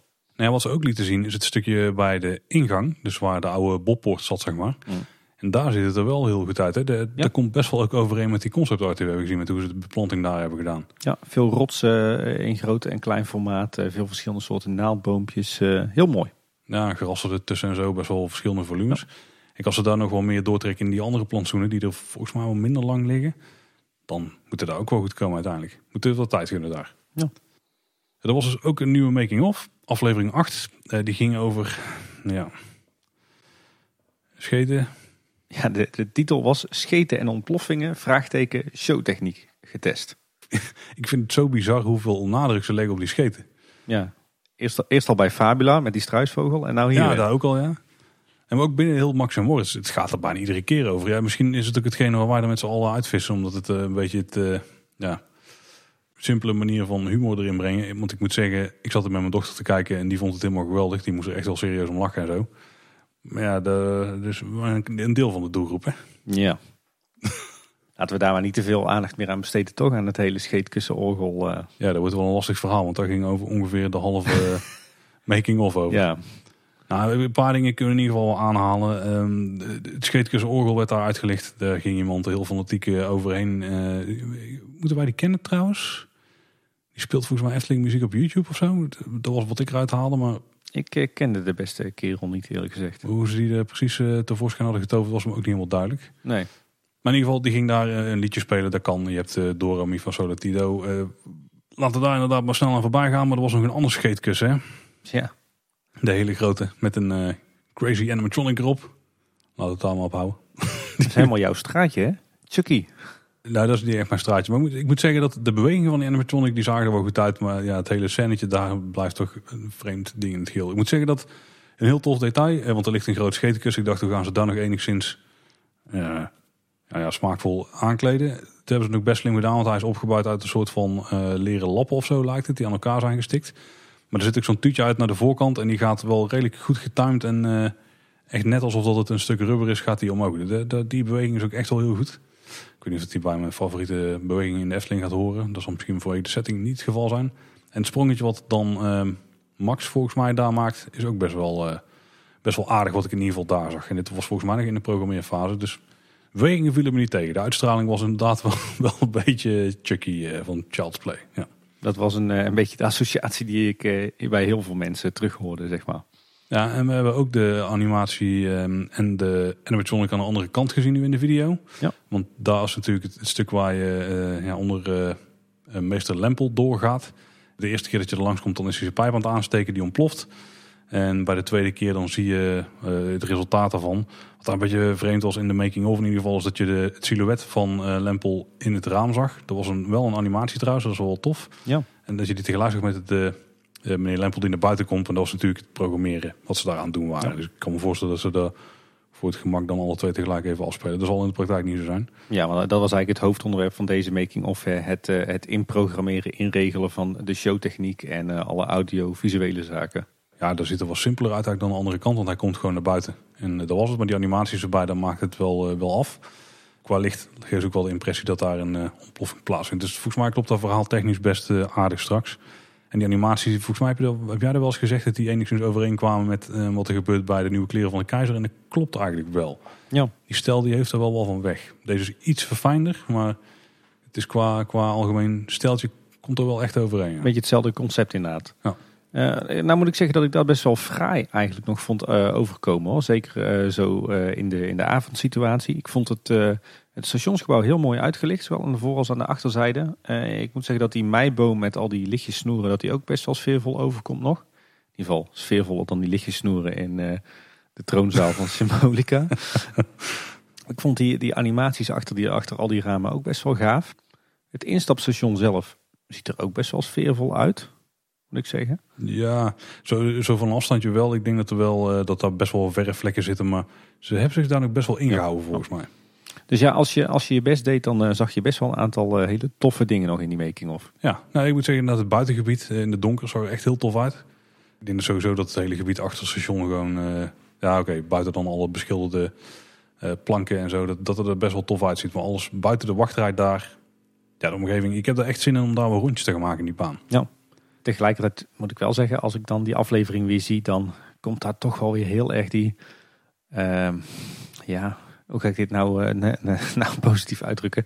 Toch weer eh, die grapjes, een beetje die platvloerse makkelijke humor, een beetje die bonte kleuren, een beetje, ja. Er zijn wel momenten dat ik echt denk van, wat is, wat, wat is hier gebeurd? Waar, waarom heeft hier niet iemand aan de rem getrokken? Weet je wel, natuurlijk het moet kindvriendelijk en het mag ook wel eens een keer wat bonter dan de gemiddelde piektekening. Ehm, maar daar zitten echt wel elementen in deze attractie waarvan ik nu al denk van ja jongens, dit, dit hoort toch niet thuis in een Efteling. Dit, dit hoort misschien thuis in een Toverland of voor mijn part in een Europapark. Maar eh, ja, ik, toch niet in een, in een Efteling waar, ja, waar je toch een bepaalde mate van verfijndheid wil hebben. Van subtiliteit, van eh, een bepaalde stijl. Ik, op, op, op een aantal punten blijf ik de attractie toch wel heel erg plat vinden. Ik eh, snap wel wat jij daarin bedoelt, ja. ja. Dus ja. En dit, maar ze brengen het ook echt wel heel overtuigend dat ze daar ook dat ze daar 100% voor gaan. die indruk krijg je in ieder geval wel bij, de, bij die making-of. Robert Jaap die gaat daar uh, volle bak gewoon... Uh, die gaat er met twee, voeten, met twee benen in gestrekt. Ja, het is wel echt uh, een beetje Peppy en Cocky, Laurel en Hardy. weet je, dat gevoel, zeg maar. Ja, nou, nou, je moet het in de praktijk gaan zien. Ik vond de making-of wel tof, omdat we, die, krijgen weer echt een stukje mee van het maken. Hè. Dus... Ja uh, de inregelen van die dingen en hoe ze dan op de details letten. En hoe ze dan praten over hoe de muziek zich moet verhouden met de geluidseffecten in eh, de werkplaats. En welk sfeertje je daar dan mee creëert en zo. Ja, nee. Er zitten wel wat leuke insights in rondom wat in Imagineering, zeg maar. De making-of is absoluut tof. En we moeten het straks op een nader, bepalen, nader te bepalen tijdstip gewoon in zijn totaliteit gaan zien en meemaken. En laten we dan inderdaad een, een eindoordeel opmaken. En er is op ons gemak de tijd voor nemen om de zaken af te wegen en een conclusie te, te maken. Daar is het nu nog te vroeg voor. Er kwam er heel recent ook een berichtje van de directeur van uh, de Plopsa Parken, Steve van de Kerkhof. En die zegt in een interview met het personeelsblad Jij. Dus die hebben ze vanuit de Efteling dan geïnterviewd of zo? Ik denk het, ja. De, die relatie was me niet helemaal duidelijk. Maar dat hij graag samen met de Efteling een keer een groot waterpark zou willen bouwen. Ja, die is bij de Efteling dan, hè? Ja, nee, dat snap ik, ja. met, eh, met hopelijk ook een Eftelings thema en geen Studio 100 thema. Ik weet niet wie dat precies inschoot. Ik vind het wel bijzonder dat je dit in je personeelsblad dan ook publiceert. Daar heb je nog een redactie over. Is het dan al een soort hint of zo? Of, of eh, ik weet niet hoe dit interview precies is ingeschoten. Dit betekent dan toch dat er, uh, dat er al verregaande gesprekken plaatsvinden. Zou dat? Of dat er in ieder geval een vorm van partnership is. Anders zet je dit toch niet in je personeelsblad. Of, of zou daar gewoon een soort van algemene interviewrubriek in zitten. Waarin iedere maand iemand uit de pretparkwereld wordt geïnterviewd die een keer maar wat over de Efteling mag roepen. Dat zou natuurlijk ook nog kunnen, dat, dat weet ik niet. Maar... Ja, daar zou ik nog wel eens iets meer over horen inderdaad. Maar hij riep in ieder geval dat het ontbreken van een waterpark bij de Efteling een groot gemis was. En eh, dat er een goede klik is tussen hem en Fons en Koen. En dat hij heel erg enthousiast wordt van hun gedrevenheid. Ja. Ik heb hier heel erg gemengde gevoelens bij. Maar dat is vooral omdat mijn ervaring tot nu toe met de Plopsa Park IP niet zo heel positief is.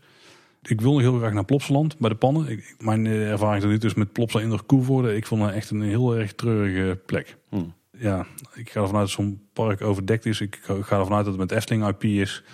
Ik hoop niet dat er iets van Plopsa ingefietst wordt. Ik zou er echt niet op zitten te wachten.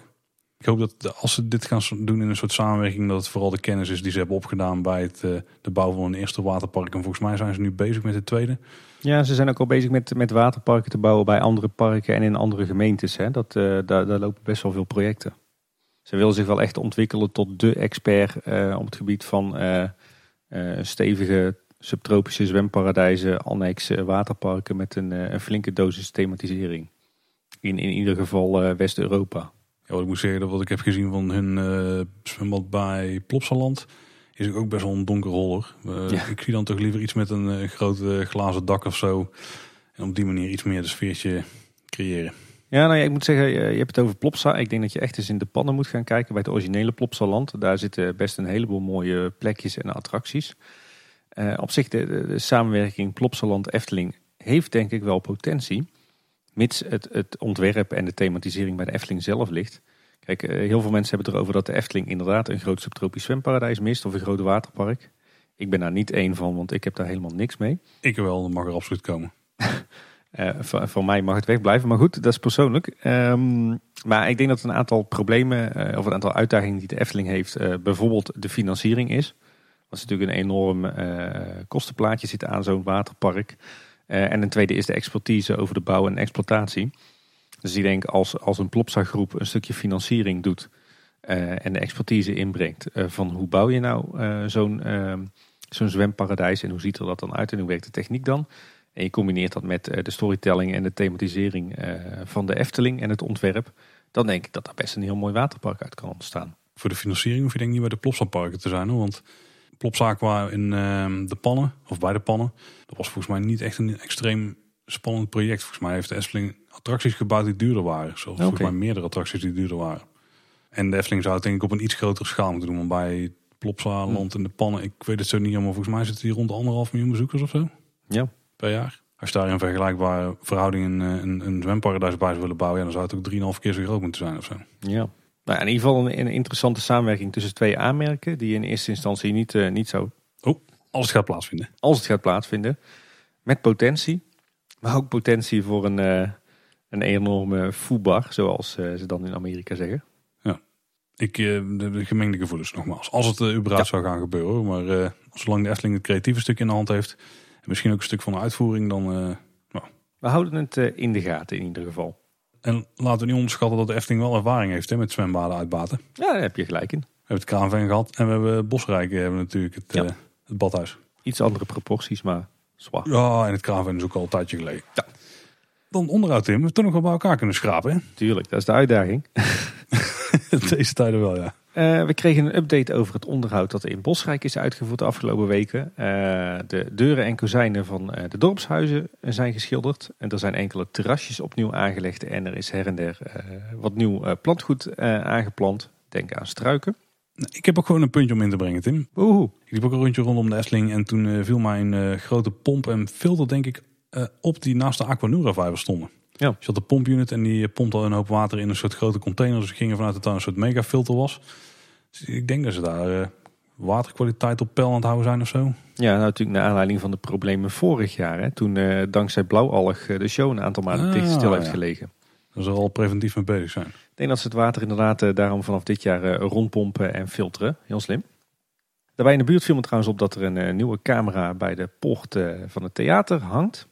Ze zijn ook weer druk bezig vanuit de gemeente aan de, de, de nieuwe horst of de verlegde horst. Eh, daar zijn eindelijk de, de definitieve lam- ledlampen op eh, de verlichting eh, geplaatst. En het viel me af op dat ze de bermen hebben afgegraven. Waarschijnlijk om te voorkomen dat die weg weer onder water komt te staan bij hevig regenval, zoals laatst het geval was. Ik zag vandaag trouwens ook nog een hijskraan in de Efteling staan. Heb even navraag gedaan. Het bleek dat er wat onderhoud werd uitgevoerd aan de buitenkant van Symbolica. Eh, en er stond ook nog een, eh, een busje van een of andere firma eh, die vochtproblemen aanpakt achter de Fata Morgana. Dus mogelijk zijn die bezig in de Fata of in Aquanura. En last but not least, de kas gaat leeg. En dan heb ik het niet over de financiële positie van de Efteling. Tenminste, dat hoop ik niet.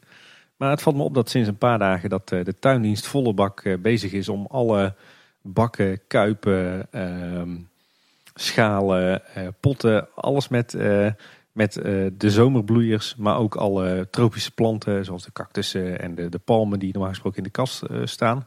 Die worden nu als een malle eh, verdeeld en uitgereden over het park. Dus die mogen allemaal weer naar buiten nu duidelijk is dat de Efteling weer open gaat. En dan het korte nieuws. Is Dronegate al een ding? Er gebeurt in ieder geval veel met drones rondom de Efteling. Hè? Als ze zelf niet een videootje uitbrengen, dan zijn er wel weer mensen die een poging wagen om zelf een video te maken. En er worden af en toe nog wel eens van mensen aangehouden. Eigenlijk is, is dat alles bijna weer gebeurd. Al missen we toch nog een nieuw videootje vanuit de Efteling. Ja. Maar op 5 mei eh, werden er in ieder geval een paar dronevliegers betrapt. eh, op de Kinkerpolder. En eh, die hoefden overigens niet de drone in te leveren. Die zijn gewoon aangesproken. De beveiliging, geen politie erbij of zo. Dus misschien geleerd om het iets vriendelijker aan te pakken dan in het verleden. Ja. Er waren ook wel wat nieuwe droombeelden uiteindelijk verschenen. Niet van het park zelf, maar wel van Bosrijk, het Golfpark en het Loonse Land. Van eh, Jetro Wagenaar. Check die even in de show notes. Daar hebben we een linkje staan naar die video. Hele, hele toffe beelden. Ja, ja zeker. En, en dus op de plekken waar je in principe, in principe wel mag vliegen. Ik denk dat ze ook niet per se blij mee zijn, maar daar is- vlieg je in ieder geval niet boven het park. Eh, er viel mij nu eh, op dat eh, langs de Europalaan staan een paar vlaggenmasten waar altijd eh, vlaggen van onze gemeente hangen of hingen. Maar er hangen nu ook Efteling vlaggen. Nou, dat is misschien toch iets zinnigere reclame. Want wie wil er nou in Loon op Zand komen wonen? Ja. ja wij. Wij. oh oh, in de Cats hè. Loon op is een ander ja, dorp. de kets. ja, dat is waar. Dat is aan de andere kant van de wereld. Dan eh, de vacatures. Eh, eh, er waren eh, een paar weken terug waren ineens alle vacatures weer terug. Nadat ze eerder waren verdwenen toen de coronacrisis begon. En nu zijn weer zo goed als alle vacatures verdwenen van de Efteling site. Eh, er staat eigenlijk één nieuwe vacature voor decorateur. Oftewel decoratieschilder. Als je in dat vakgebied zit, dan denk ik dat dit wel eh, de best you can get is. Dus eh, ga dan zeker even kijken. En nog wat meewerkstages. Maar voor de rest is de vacaturesite eh akelig leeg. Lekker rustig. We hebben onze tijd geleden afgevraagd hoe het nou zat met die nieuwe reclamecampagne. Er was eerst aangekondigd dat die in 2019 zou komen. Nou, toen werd het steeds eh, uitgesteld. Er werd eigenlijk niet zo heel veel van verteld. Maar we vroegen ons toch af, waar blijft die reclamecampagne nou? Inmiddels is er wat duidelijk. Uh, in het personeelsblad stond er ook een stukje over, ook weer via loopings bij ons terechtgekomen. Die reclamecampagne die gaat En Toen heten. En die gaat internationaal draaien. En die zou drie jaar lang ingezet moeten worden in Nederland, België en Duitsland, Frankrijk en het Verenigd Koninkrijk. Maar door de crisis op dit moment is nog onbekend wanneer precies. Want die was natuurlijk wat later inzetten. Ik vind het wel lang, drie jaar. Dat je nu al weet dat je drie jaar lang die reclamecampagne laat meegaan. Ja, meestal gaan die dingen toch minder lang mee. Ja, dan verwachten ze er denk ik echt heel veel van. Of misschien is het wel een, echt een geplande situatie. Want ze omschrijven ook dat het, het gaat over een hoofdpersoon. En die bezoekt de Efteling op verschillende momenten in het leven. En uh, die kinderlijke verwondering die deelt ze dan met haar ouders en later ook met haar eigen gezin. En uh, zo laat ze zien dat de Efteling dus door de jaren heen al die, ja, die, die geluks, geluksmomenten, die mooie momenten in je leven faciliteert. Dat, dat je die daar kunt hebben. Dus voor jong en oud, voor mensen die, die spannende dingen willen beleven of die meer aan het dromen zijn. En wat ze dan misschien gaan doen is dat ze dit al hebben uitgepland voor de komende jaren. En dat ze steeds een stukje van dat verhaal gaan uitlichten. En dat ze de verwachting hebben dat het zo sterk is dat het ook echt eh, blijft hangen. En dat je dan door hebt dat, het een, dat daar een, een verloop in zit, zeg maar, door de tijd heen. Klinkt goed. Misschien hebben ze het op die manier wel, uh, wel ingezet. Dan, dan zou dit wel verklaarbaar zijn dat ze er en zo'n lange periode voor pakken. En matcht ook wel denk ik met het verhaal wat ze hier uh, schetsen. Maar hoe doe je dat dan als er ontwikkelingen plaatsvinden in je park? Als je ineens een, een nieuwe attractie opent of een nieuw sprookje of zo? Ja, het hoeft natuurlijk niet zo te zijn dat ze alles al hebben uitgewerkt. Hè. Dit kan een soort Harry Piekema-achtige eh, variant zijn, maar dan voor de ja, Efteling en wereldwijd. Of tenminste wereldwijd, vooral binnen Europa. Ik denk als je het zo ziet, dat misschien dat wel een beetje de kant is waar ze op willen gaan. En dan zullen ze een hoop scenario's al klaar hebben liggen. En die kun je ook steeds blijven uitbreiden. Ik, eh, ik ben heel benieuwd. Het zag er heel veelbelovend uh, uit. Dit is in ieder geval echt gewoon gissen. Maar het gaat dus niet alleen om tv-commercials, want dat is natuurlijk wel de makkelijkste manier om, het, om erover na te denken over die campagnes. Maar ook gewoon over video's voor, ik denk, online uitingen eh, YouTube en eh, advertenties uiteraard. Ja, tof. Ja, nog een laatste opvallende nieuwtje. Uh, binnenkort wordt het, het, het, bruisende dorpshart van Kaatsheuvel uh, heringericht. De gemeente heeft nu gekozen voor rustbanken en lagere lantaarnpalen met een meer nostalgischere uitstraling als knipoog naar Piek en de Efteling. Dus dit zal uiteindelijk waarschijnlijk uitdraaien op een paar aluminium buizen met een, een lampje erin en geen bankje. Kaatsheuvel kennende. Ja, als je ziet wat er met, van de Piekse dorpspomp terecht is gekomen... die we hier in het centrum zouden krijgen naar ontwerp van de Efteling... dan denk je dat wel, ja. Maar ik moest wel een beetje lachen toen ik dat uh, vanochtend in de krant las. Dus we gaan weer een poging om een knipoog naar Piek te maken. Ja. ik ben ook heel benieuwd. Ik heb hier weinig vertrouwen. Tot, uh, tot op heden wordt de naam van Piek vooral redelijk door het slijk gehaald hier in het centrum. Met... Uh, een brasserie en allerlei uh, heftige evenementen die in de naam van Anton Pieck worden georganiseerd. Ik denk dat uh, de RV Piek daar uh, misschien geen weet van hebben en dat is misschien ook maar beter. Nou, de balans met de Efteling die is gelukkig nog steeds een goede kant op hè? Ja. Dan, en dan nog dit. Ik zag in de afgelopen maand ergens een keer wat tweets van Thomas van Groningen van Team Talk. Die was aan het thuis quarantaine vieren. En die was uh, heel enthousiast alle Lord of the Rings en de Hobbits films weer aan het kijken. En toen dacht ik, hé, dat is toch wel... Uh, is iets wat dat kan ik ook misschien wel doen. En daar werd nog extra aangewakkerd toen hij in onze pretpark WhatsApp groep een oproepje deed... of dat iemand die mee wilde kletsen over de mogelijkheden om die IP's, dus de Lord of the Rings en de Hobbit... of eigenlijk gewoon alle J.R.R. Tolkien ja, bedenksels... om die in te zetten voor pretparkland. En toen dacht ik, nou, daar vind ik op zich wel tof om erover mee te denken. Dus ik ben echt al een dol op die films gaan kijken. 20 uur in, uh, volgens mij 2,5 week of zo aan film. Gewoon samen met mijn bed iedere keer drie kwartier uh, een uurtje voor het slapen gaan. Respect, uh, Paul. En ik heb volgens mij ongeveer een half uur voordat we gingen opnemen nog de laatste scènes even gecheckt. toen was de laatste film afgerond van de, de, zes films. En toen zijn we een aflevering gaan maken van Teen Talk, waar we bespreken hoe hoe de Lord of the Rings ingezet kan worden als um, pretpark IP en ook de Hobbit dus. En daarbij stelde hij de vraag van, zou dit iets zijn voor de Efteling? En toen bedacht ik me aan de vraag die we ooit hebben gekregen van een luisteraar, zou het passen als IP in de Efteling? En volgens mij was ik toen redelijk stellig in dat me dat niet zo'n goed idee leek. Inderdaad, ja. En nu ik die films weer heb gezien, ben ik er toch wel, wel van teruggekomen. Want er zitten toch wel een hoop overeenkomsten in. Uh, daar gaan we een beetje in die aflevering op in. Dus als je onze discussie erover wil horen, check even Team Talk 120. En met wat uh, dan ook potentiële attracties zouden kunnen zijn.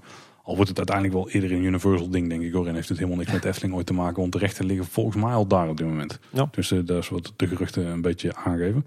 Uh, een hele toffe aflevering van uh, Team Talk. En ook weer heel, een hele toffe armchair imagineering. Alhoewel ik wel moet toegeven dat ik toch na een tijdje ben afgehaakt. Want, Je hebt helemaal niks met het IP hè?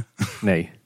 Het, het, is eigenlijk heel, eigenlijk heel gek. Aan de ene kant hou ik heel erg van fantasy als het gaat om sprookjes of om griezelen of om, om de wereld van Harry Potter zolang het zich dan maar een, beetje in onze normale wereld afspeelt. Maar als het dan fantasy is die zich in een niet bestaand universum afspeelt met andere talen en andere natuur en andere figuren, zoals een Star Wars of een Star Trek of Lord of the Rings, dan haak ik echt volledig af. Dan gaat mijn brein op, uh, op error en dan denk ik, ja, dit is zo'n uh, bullshit, laat maar. Nou, je zou het kunnen projecteren gewoon op onze wereld, maar dan op het moment dat de aardplaten nog wel op tegen elkaar aan lagen en nog voordat er allemaal dinosaurussen rondliepen, dan zou je het nog wel enigszins kunnen, kunnen mengen. Maar dan moet je niet in de achtergrondverhalen gaan verdiepen, want die gaan echt helemaal nergens over, over soort grote lantaarnpalen die ooit als zon en maan op de werelddelen zijn gezet en de, omgehakt zijn. Ja, ik ben er heel even ingedoken, toen hakte ik ook gauw af.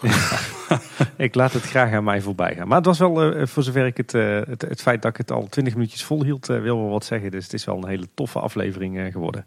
Toffe samenwerking. Ja, en die films die zijn dan ook wel de aanrader. Ga niet de boeken lezen, want dan kom je echt niet doorheen, denk ik. mocht je er ooit in willen duiken. Uh, dan nog een kijktip. We hebben ooit een idee gehad. Tim, we hebben een YouTube kanaal zijn we begonnen. Er staat op dit moment één video op daar. YouTube, oh sorry, een YouTube kanaal. Daar zitten wij zelf niet eens in.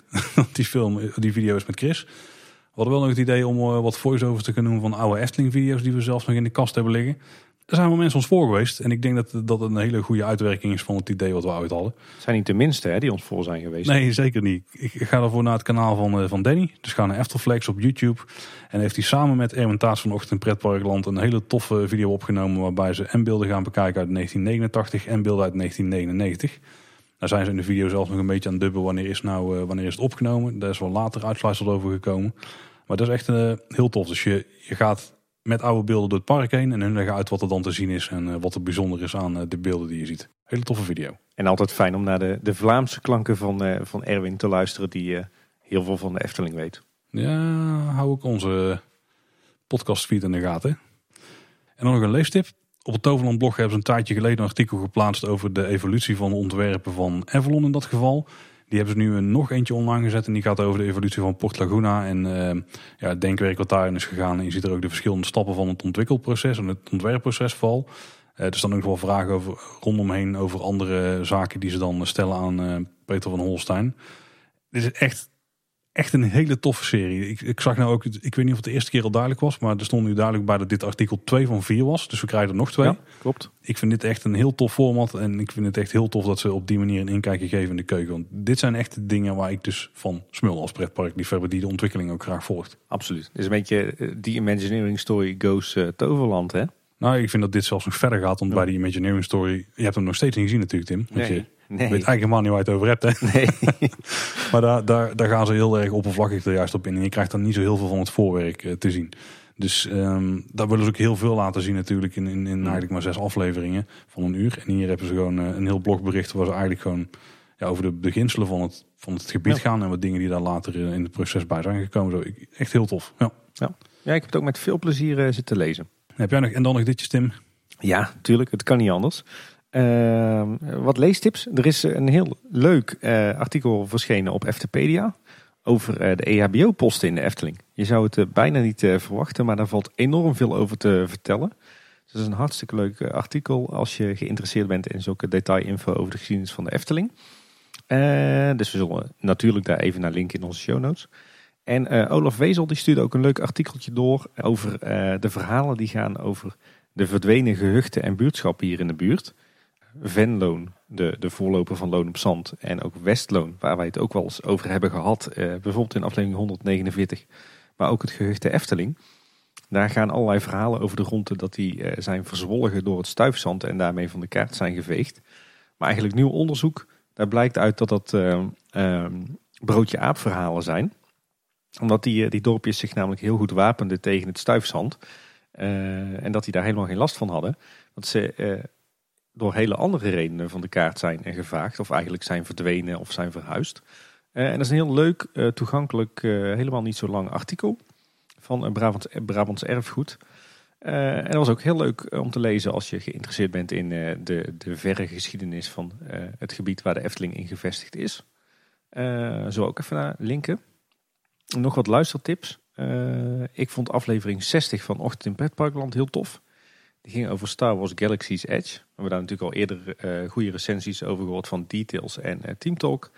Uh, maar ik moet zeggen dat dit toch wel verreweg denk ik de meest analytische was. En degene die ook het, het meest gewogen beeld gaf van plus- en minpunten.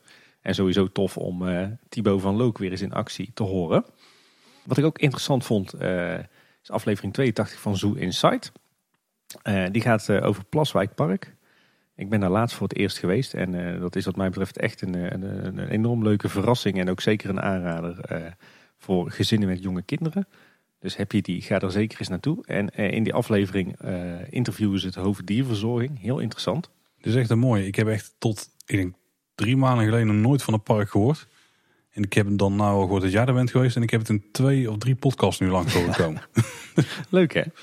Uh, aflevering 5 van Team Parks on Stage. Uh, de podcast van uh, Danny Eftelflex en Niels Dame. die is ook heel tof. Die gaat over het land van ooit. En ja, die maken eigenlijk in gedachten een wandeling door het, het land van ooit van toen. Wat voor mij erg interessant was, want gek genoeg ben ik nog nooit van mijn leven in het land van ooit geweest. Nee? Nee. Ik ben er destijds nooit geweest. Ik ben er denk ik echt een keer of zes geweest of zo. Ja, dat begreep ik al uit uh, onze WhatsApp-conversaties. Maar uh, nee, ik denk dat mijn ouders dat niks vonden of zo. Ik ben er nooit geweest. En, uh... Als op zich hadden ze wel een punt. het was niet zo heel veel eigenlijk. Nee, ja, dat begreep ik ook wel. Maar die aflevering van Team Parks on Stage, die geeft wel echt een, ja, een hele toffe rondleiding in gedachten over het park. En, en wat het nou allemaal was en wat voor verhalen erachter staken. Ik vond het heel interessant. Mocht je trouwens nog wat willen zien van het, het oude land van ooit, dan moet je snel zijn. Want ik las vandaag in de krant dat er eh, door de gemeenteraad van eh, de gemeente Heusden een nieuw bestemmingsplan is vastgesteld voor het gebied. Met een groot medisch centrum, ruim 200 woningen en extra natuur. Dus ik denk dat de laatste restanten van het land van ooit snel zullen verdwijnen. Dus luister zeker die aflevering en uh, ga er ook eens wandelen. En last but not least had Ready for Take-Off, de podcast over de luchtvaart in Nederland, van onze goede vriend Mark Dekkers, die we ook kennen vanuit Details en die ook al verschillende keren aan ons heeft bijgedragen. Die had een hele toffe aflevering over onze nationale luchthaven Schiphol. Wat in ieder geval voor mij een hele mooie, intrigerende plek is. En uh, tof om daar een keer uh, wat meer over te horen. Dus uh, stuk voor stuk leuke luistertips. En we zullen ze ook allemaal weer even linken in de show notes. Oh. Je trekt er de afgelopen tijd nog steeds wel wat op uit. Nog, nog dingen gedaan die, die de moeite waard zijn om te melden? Ja, klopt inderdaad. We, we, maken er nog steeds het beste van. we zijn ondertussen dus druk bezig met zoveel mogelijk kaartjes scoren voor pretparken en dierentuinen die de komende weken open gaan. Maar tot het zover is, uh, proberen we dan maar andere plaatsen te bezoeken dan, uh, dan anders. Zo zijn we voor het eerst in ons leven naar de molens van Kinderdijk geweest. Mhm. Heel uh, leuk om een keer gezien te hebben. We zijn dus voor alweer de derde keer naar de Hoge Veluwe geweest. Nu met speeltuin en horeca. Dat was ook weer fijn. En, en, en, natuurlijk heel veel de natuur in. lekker fietsen, lekker wandelen. Ehm, wat wel een beetje zuur was, was dat we vorige weekend eigenlijk een een lang weekend zouden hebben in Paradise. Vier dagen maar liefst. Dat is in het water gevallen. En we zitten nog heel erg in dubio wat te doen met onze zomervakantie eh, in augustus. Wanneer we eigenlijk naar eh, Stockholm in Zweden zouden gaan. Daar zijn we nog niet helemaal zeker over of dat we dat nu al wel of niet willen annuleren. Het probleem is dan met name dat het alternatief een vakantie in eigen land... dat al bijna alles is volgeboekt. En wat je nog kunt krijgen dat het echt schrikbarend duur is voor een weekje in Nederland. Oeh.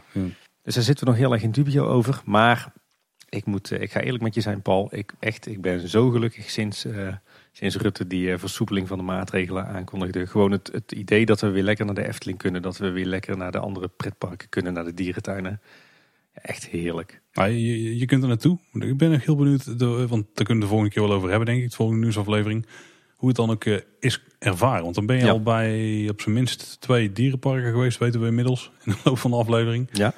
En de kans dat je de Efteling bent geweest is ook best groot, denk ik. Ik, uh, ik kijk er in ieder geval naar uit. Dus ik ben heel benieuwd hoe dat dan is uh, bevallen. Voor mij uh, voelde het echt zo van, beklijft nu echt het gevoel van yes, we mogen weer echt gaan leven. Er zijn een paar tralies uit de kooi gezaagd. Precies, heerlijk. Kijk, nou. En trek jij nog een beetje ondertussen? Ja, ik, ik, ik heb het heel makkelijk eigenlijk. Ik mag mezelf op aan alle kanten gelukkig prijzen, denk ik, dat het zo soepel is gegaan. Ik moet zeggen dat nu de kinderen naar school gaan is het voor mij wel zelfs wel lastiger geworden. Want dan zitten we in één keer weer veel meer vast aan bepaalde dingen die moeten qua tijdsplanning en zo. Ja. En nu was mijn voornaamste focus gewoon werken. En daar ging heel prima. En ik kon uit mijn bed rollen en meteen beginnen. Maar nu moeten er ook kinderen klaargestoomd worden om naar school en opvang en zo te gaan. Dus dat maakt het voor mij niet makkelijker. Maar ik ben echt een van de uitzonderingen. En nogmaals, ik heb het maandenlang uh, heel erg goed gehad. Dus, uh, ja, jij gaat graag nog eens in lockdown. Ik heb er serieus echt heel weinig problemen mee. ik ben gebouwd op lockdowns, denk ik. Ja, blijkbaar. Nou, ik, ik denk vooral nu, nu we uit de lockdown gaan, snel van genieten. Want voor je het weet, dan eh, komt er weer een nieuwe. Oh, dan kan ik weer lekker eh, rustig aan gaan doen. Lekker Lego. Ja, precies. Spelletjes spelen. Laat, laten we in de tussentijd vooral heel veel van de Efteling genieten, toch? Ja, was, eh, ik, ik ben wel benieuwd hoe het eruit ziet. Dus ik ga het ook zeker wel even checken. Ja, dat was het. Dan zijn we er weer doorheen, Tim. Je zegt het alsof het niks was, maar volgens mij hebben we best wel veel ge- geouwehoerd eh, deze nieuwsaflevering. Ja, we hebben tussendoor ook twee keer pauze gehouden. Dat weten de mensen die luisteren natuurlijk niet, want knippen er allemaal uit. Bij deze wel. Het was weer een flinke, flinke tocht door al het nieuws eh, dit keer. Het zijn ook bijzondere tijden, dus eh, veel te bespreken, veel nieuws. Ja, we zitten echt in een omslagpunt. Hè. Het is eh, enigszins stabiel geweest, moeilijk om wat dingen te verzamelen. Toch altijd iedere keer genoeg te vertellen. Maar nu gaan er, eh, gaat er weer van alles open. Dus ja, dan toch in één keer veel dingen die ook onduidelijk zijn, die we nog proberen te achterhalen. En die waarschijnlijk in de loop van de dagen duidelijker worden. Dus eh, neem het ons niet kwalijk als we alle details niet helemaal juist hebben. Want ik kan me voorstellen dat er nog wel extra nieuws is eh, naar boven gekomen de afgelopen dagen. Maar daar komen we dan gewoon eh, in onze aflevering over twee weken op terug. Precies. En ondertussen zijn we dan waarschijnlijk weer in het park geweest. Yes. Eh, bedankt voor het luisteren, luisteraars. Willen jullie vragen stellen aan ons? Dat kan uiteraard. Eh, we lezen alle vragen, we zien ze allemaal binnenkomen. We reageren in de meeste gevallen ook, eh, maar soms bewaren ze voor de afleveringen. Stuur ze in ieder geval naar ons toe. Dat kan via onze website kleineboodschap.com. Daar hebben we een contactformuliertje. En je kunt ons ook mailen via info.kleineboodschap.com. Ja, en we zijn op social media ook te bereiken. Op Twitter, daar zijn we @kboodschap.